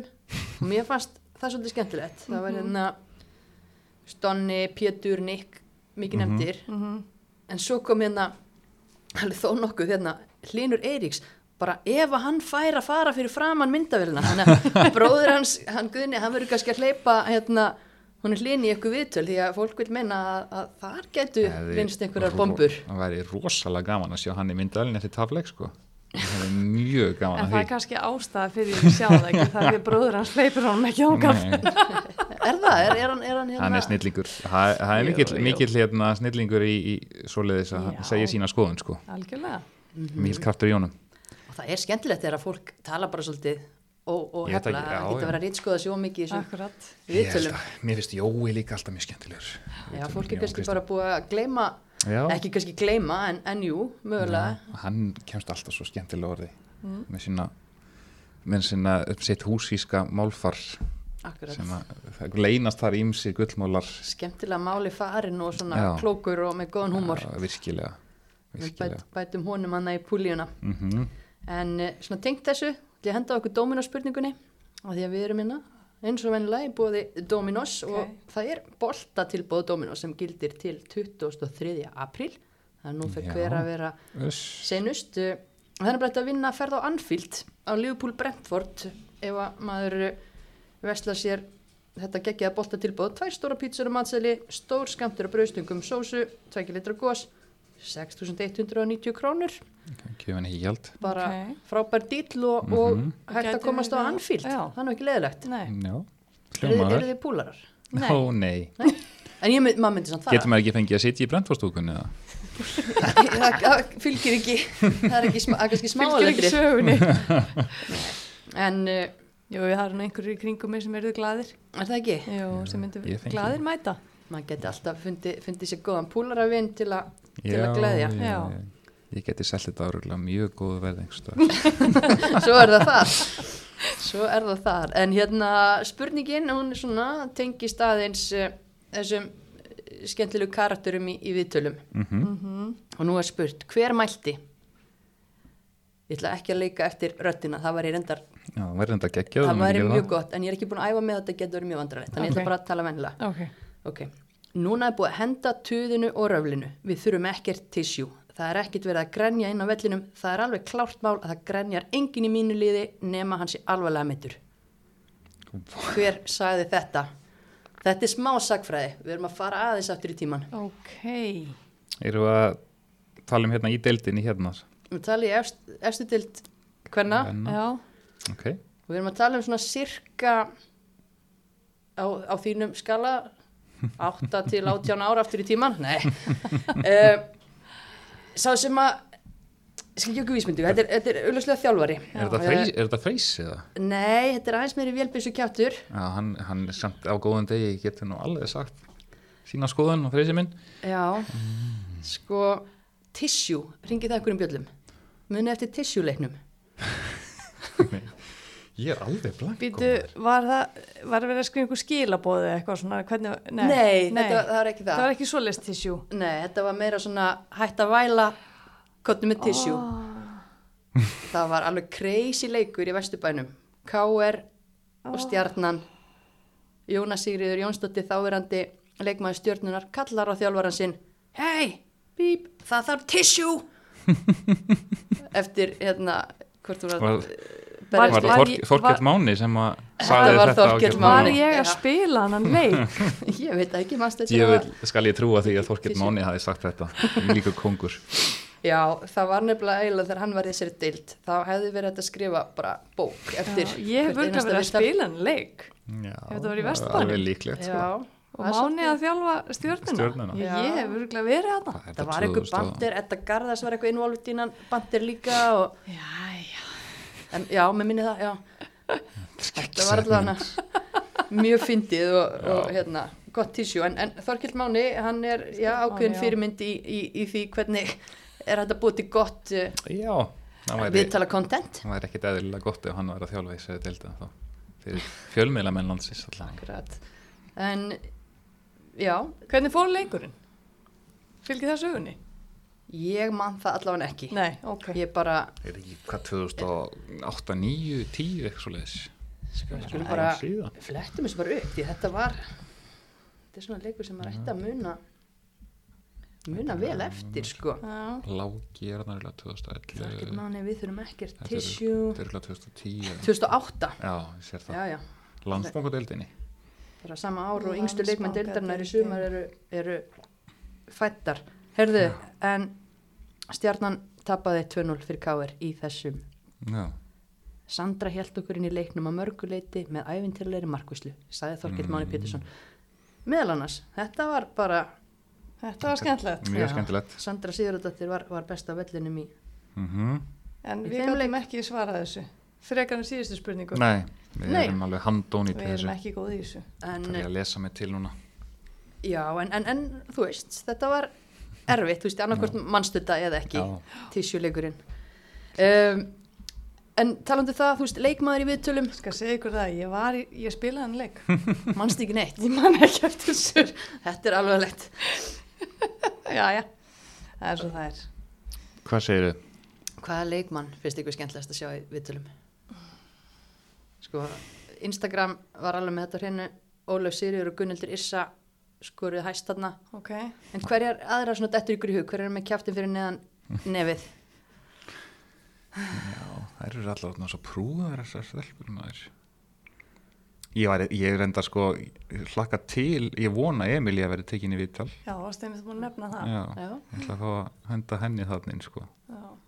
Svo hvet ég fjölmir að menn landsins líka til að taka viðtöl við Ísvold Mari eftir leik Æsi. já, Æsi, æsi. Já Getur fengið eitthvað mjög skemmtilegt út af því. Ok, selt. Uh, talandi um selt spurt var hver er að fara að eiga geggja tímabil og fer út í atvinnumennsku eftir tímabilið? Ég er búin að svara þessu. Búin að svara búin að svara. Þjóskart þjóskart uh, Ert þú með eitthvað? eitthvað annað? Mm, Instagram er, já, talar um Köllu, Sætisi og Jasmín. Já. Ég ætla bara að sammála því. Mhm, bara sammála því, ok áfram gakk, uh, spjaldadrottning deildarinnar, það var ekkit afgerandi þar en svolítið áhugavert að það sem fengur flest uh, atkvæðin eru sko ekki bara kempur, heldur líka kempur í, í svona liðum sem við erum að spá á topnum Arna Sif, Elisa, Tony Presley, Caritas Thomas Já. Já, þetta er bara mjög gott, mjög bara gott gísk. solid, solid fjögur spjöld á Já, Gunnildur. Haus Gunnildur Issa, Já. lítum að blanda sér í þessa baróttu. Allir nú rétt að vona og talandi um það mest í naglin í dildinni Já, það er Gunnildur. Það er ekki. Gunnildur og Sif Alla fengu flest atkvæði Arna Sif það rétt á eftir bara, Alvöru, valkyrjur. þarna. já, ég myndi ekki sko Nei, það er bara, ekki, ekki, ekki þóra þú sér að mæta liði með þessar allar saman í liði. Nákvæmlega. Skilur Já. beinunum þar. fjutti fjú, það er alvöru, þetta eru naglarnir Já. um, en svona svo spurt sko hvað hvaða lið mun kom mest á óvart og þetta var mjög dreift en Selfoss fekk flest atkvæði en þá Ok. velti ég samt fyrir mér sko hvað þurfa þær að gera til að koma óvart Já, ef við, bara, ef við tökum bara umræðina já, út þetta er svona líka, fylgjendunum koma óvart, veist, hvað er að koma óvart þarna, sko. Já. Ég, veist, það kæmi líka rosalega óvart ef að þróttur þið í Íslandsmeistari, skilur mig. Já, já. Þú veist, það, en ef að, ef að vera að meina það í þeim skilningi og býst við litlu á einhverju liði Mhm. og, og það gerir betur, þá geti það einmitt verið Selfoss og Þór Káa sem eru þarna í miðunni. Já, sem getur þá farið að blanda sér einhverja, Já, ge- einhverja það baróttu. væri þá þannig að þau myndu blanda sér í efri hlutan. Mhm. Það kemur óvart. Já, fólk hefur allan að trúa því að selfisingar, já ég hugsa að fólk hafi túlkað þannig, koma Já, vart og, já, og, og já. já, ég, fari veist, herra. Já, ég ég held að ekkit að þessum liðin fara allan á niðar. Nei. Svo eru hérna tvær spurningar eftir og, og sko fyrst, hver er uppáhaldsleikmaður og mér fannst alveg dásanlegt að rúlega við þau svör af því að það var auðvitað svona 60 nöfn sem að koma upp það er geggjað. og það er nefnilega alveg geggjað Mhm. Mm og eh, já, bara ótrúlega marga með tilumningar, þetta var nýfjamt það voru tvær sem voru með aðeins fleiri atkvæði heldur en næstu konur uh, Sandra Maria Jessin og Agla Maria Albestóttir, uppáhaldsleikmenn uh, -hmm. já, þeirra sem tóku þátt í, í Mm. Í þessari könnun. Já, hver er uppáhaldsleikmaðurinn ykkar í dildinni? Ég veit þitt svar Jónsi. Já, já, já. Svo, svo má ekkit gera sko, maður á svo margar allar sko, ég vil ekkit vera, ég man að mist nú ekkert hjá við mig en því ég ætlaði að fara telja upp einhverja tvo, þrjá leikmenn sem hefur verið góðir í einhverju leik mm í fyrra eða eitthvað, svo bara ekki, ekki fara að telja upp nöfn, er með stelpur, það getur verið mjög hættulegt já, en það er líka bara því að maður gleymir alltaf ég var alveg rosalega marga uppáhalds leikmenn sko. Mér finnst, hérna, mér finnst ótrúlega gaman til dæmis bara að horfa á Örnu Sif. Mér finnst hún frábær hafsend, mér finnst gaman að fylgjast með góðum varnamönnum. Mhm. Þannig að, þú veist, mér finnst ótrúlega gaman, ég nefndi náttúrulega í- áðan Katie Cousins þú veist, Kalla Tryggva náttúrulega frábær, Mhm. gaman að fylgjast með henni. Mm. Ætti- fótbolta. Já, þú veist, ég mynd alltaf svona, þú veist, bara kannski taka af þeim leikmennum sem maður aldrei komið nálægt í þjálfun, þá finnst Mhm. mér Katie Cousins sem er mjög svona mjög gaman að fylgjast með henni Mhm. og hérna myndi þá svona nefna hana til þess að halda þá öllum hinnum góðum bara Já. Það er, það er diplomatist og, og gott uh, en svo síðasta spurningin en við spáum í þessa fyrstu umferð hver verður best? Það er stórst spurt. Hmm. Já, það er það er rosalega góð spurning Og helst í hendur við hvernig liðinu, liðinu gengur og annað yfirleitt ég hérna Vá, þetta er alveg alvöru þessi vafðist ekki fyrir fylgjendum á Það er Nei, svoleiðis. hvað komdu með það? Það er það er Gunnildur Issa sem að fólk hefur trú á að verði hún, mótsins. hún verður mjög góð sko. Já, Ég get alveg hendan inn Söndrumaríu, Öglumaríu og veist, Köllu Tryggva. Já. bara neymit sko. Já, það eru komið fjögun upp mm Lilja hendinni í fymta hvað höfum þetta fimm manna fimm kvenna, kvenna púlju gera allu. Sko, vá. Og svo er Sandra Maríu, Mhm. Köllu Tryggva, Öglu Öglu, Gunnildur Gunnildur. Ég segi um Jasmín bara líka. Það er ekki bara flott já. fimma. Ég ætla að taka, þá erum við með úr stjörnunni sem að við erum að spá. það er aldrei hægt að segja svona sko, en þú veist- best, sko. Þú veist, það er bara skemmtileg spurning Já. en aldrei, er aldrei eitthvað eitt rétt svar í því Nei, nei, þær þurfa að svara því á vellinum. já, Já, Þessi leikmenn uh, stýttist í það að við komumst á völlin því að þetta byrjar allt saman á þriðdægin og eins og við gátum við máðan þá er þessi fyrsta umferð hrikalega spennandi og, og sérstaklega áhugaverði kannski þriðdagsleikinir. Við byrjum í eigum á IBVF Selfoss, lið sem við erum að spá þarna bak í bak í töflunni. Hvernig fer í eigum á þriðdægin? viltu tölur það bara hverju vinna? 1x2 Sko, 1x2 allavega. Hana, en, en ef að þið erum einhverja ég, geða ég, ég tilfinningu? ætla að byrja á því að hendi í x þarna. Að verða þetta svona 5-5x eða 4-4x þetta er svona 1-1x Já, það er ekkert mikið skora hjá það með ég maður rétt ég ætla að henda svo IBF. Já, Heimalegur, fyrsti heimalegur. ok. Ég ætla að segja það bara. Mhm. Annar leikur sem er ekki síður stór, sérstaklega ef það er eitthvað að fara að marka þessar spár okkar og, og annara, Tindastóll Keflavík, klukkan átján. Erfitt verkefni fyrir Glenn og Jónu að fara Já. beint á krókin. Já, 1-0 tindastól Já, 1-1. 1-1, ok. Jafntefli. mm. Við erum að muna þetta, fara svo yfir hvor, hvor hefur betur. Ég fíla að þetta sé ekki ómikil samrómur um þetta. Mm. Og svo náttúrulega risaleikur sem að, já, kannski flest augu hafa verið á, við erum að tala um valur breyðablík í fyrstu umferð, Akkurat. 1915 Óriko vellinum. Hvað Já. gerist á Óriko vellinum? Því að þarna verða hérna, línur dregnar í, í sandin. Já, Já, ég skal bara halda áfram að raundan ég, Já. set, ég ætla að setja hérna 2-2 á þannleik í öttefli Já. ok. það var eitthvað svona sem segir með það Ég vil setja breyðblik. mm Tveir. Já. Ok. Áhugavert. Stottrarandanda. Séu hvað ég er lúmski, ég kem mér hjá því að spá, þannig að þetta er bara um þetta. já, já, Já. það er allt í lagi. Ég er líka mjög léliði. uh, miðugudagur, umferðin klárast, stjarnan Þór Káa, 18.00. já, Lið sem eru nýlega búin að mætast. Já, já, hvað var það? Var 2-2 Það var var hörkuleikur. það ekki? 2-2 í jú. leiktíma það var alveg leikur sko. mm Hvað gerist á Samsung? Þú svar undan. já, ég skal svara undan ég er bara að spá ég er svona ég er að velta ykkur hvort ég fari í ég er búin að stjórna já, ég er svona velta ykkur hvort ég ætla að fara vera djarfur að fara í jafntefli en samt er ég svona stjórnum megin sko, hann er, hann er sko tilfingar versus skinnsemi sko. Já. Er Ég ætla sem- bara að svara mínu þá, fyrst að hann er svona mikið hugsa, ég ætla að Mm. setja á stjórnuna. Ég segja einn á þennan. Þetta Mhm. þennan. Já, Jónsi að berjast Já. við tilfinningarnar. já, ég ætla bara að, ég ætla að því að þú þarft að fá einhver óvænt úrslit til þess að græða eitthvað í þessu þannig að ég ætla að setja X Það er ekkert samt undir, við erum ekki veðmála nei. starfsemi hér á heimavöldunum svo það sé alveg á hreinu.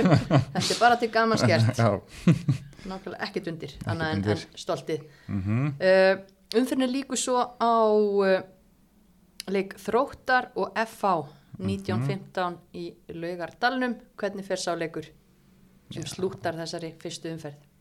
einn. Það er eitt líka. Þetta er þá eini leikurinn þar sem við erum sammála sem er Já. geggja.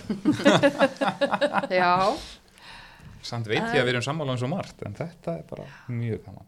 Já, en, Þetta er bara svo ódreifna. Já. Ég get sagt hvað sem er. akkurat, en þessi umferð líka, þetta er, Þetta er alvöru. þetta er bomba.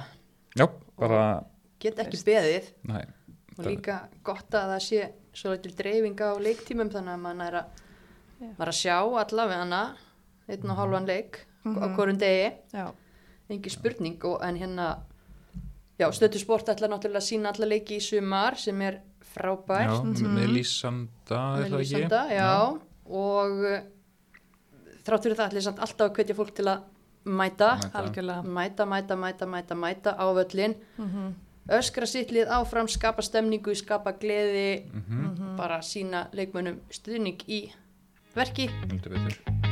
Og já, er það ekki bara skilabóðun okkar út í það má vel. einhverjar slúðursögur í lokin Jóns eða einhverjum ástasambundum Násta sambundum. Hengt Í, það þú vilt sko Er það eitthvað eitt á mjút núna, nú slökuðu að hunsa og, og hérna bara ykkur fyrir að koma, Takk fyrir Takk fyrir. sjáumst á vellinum.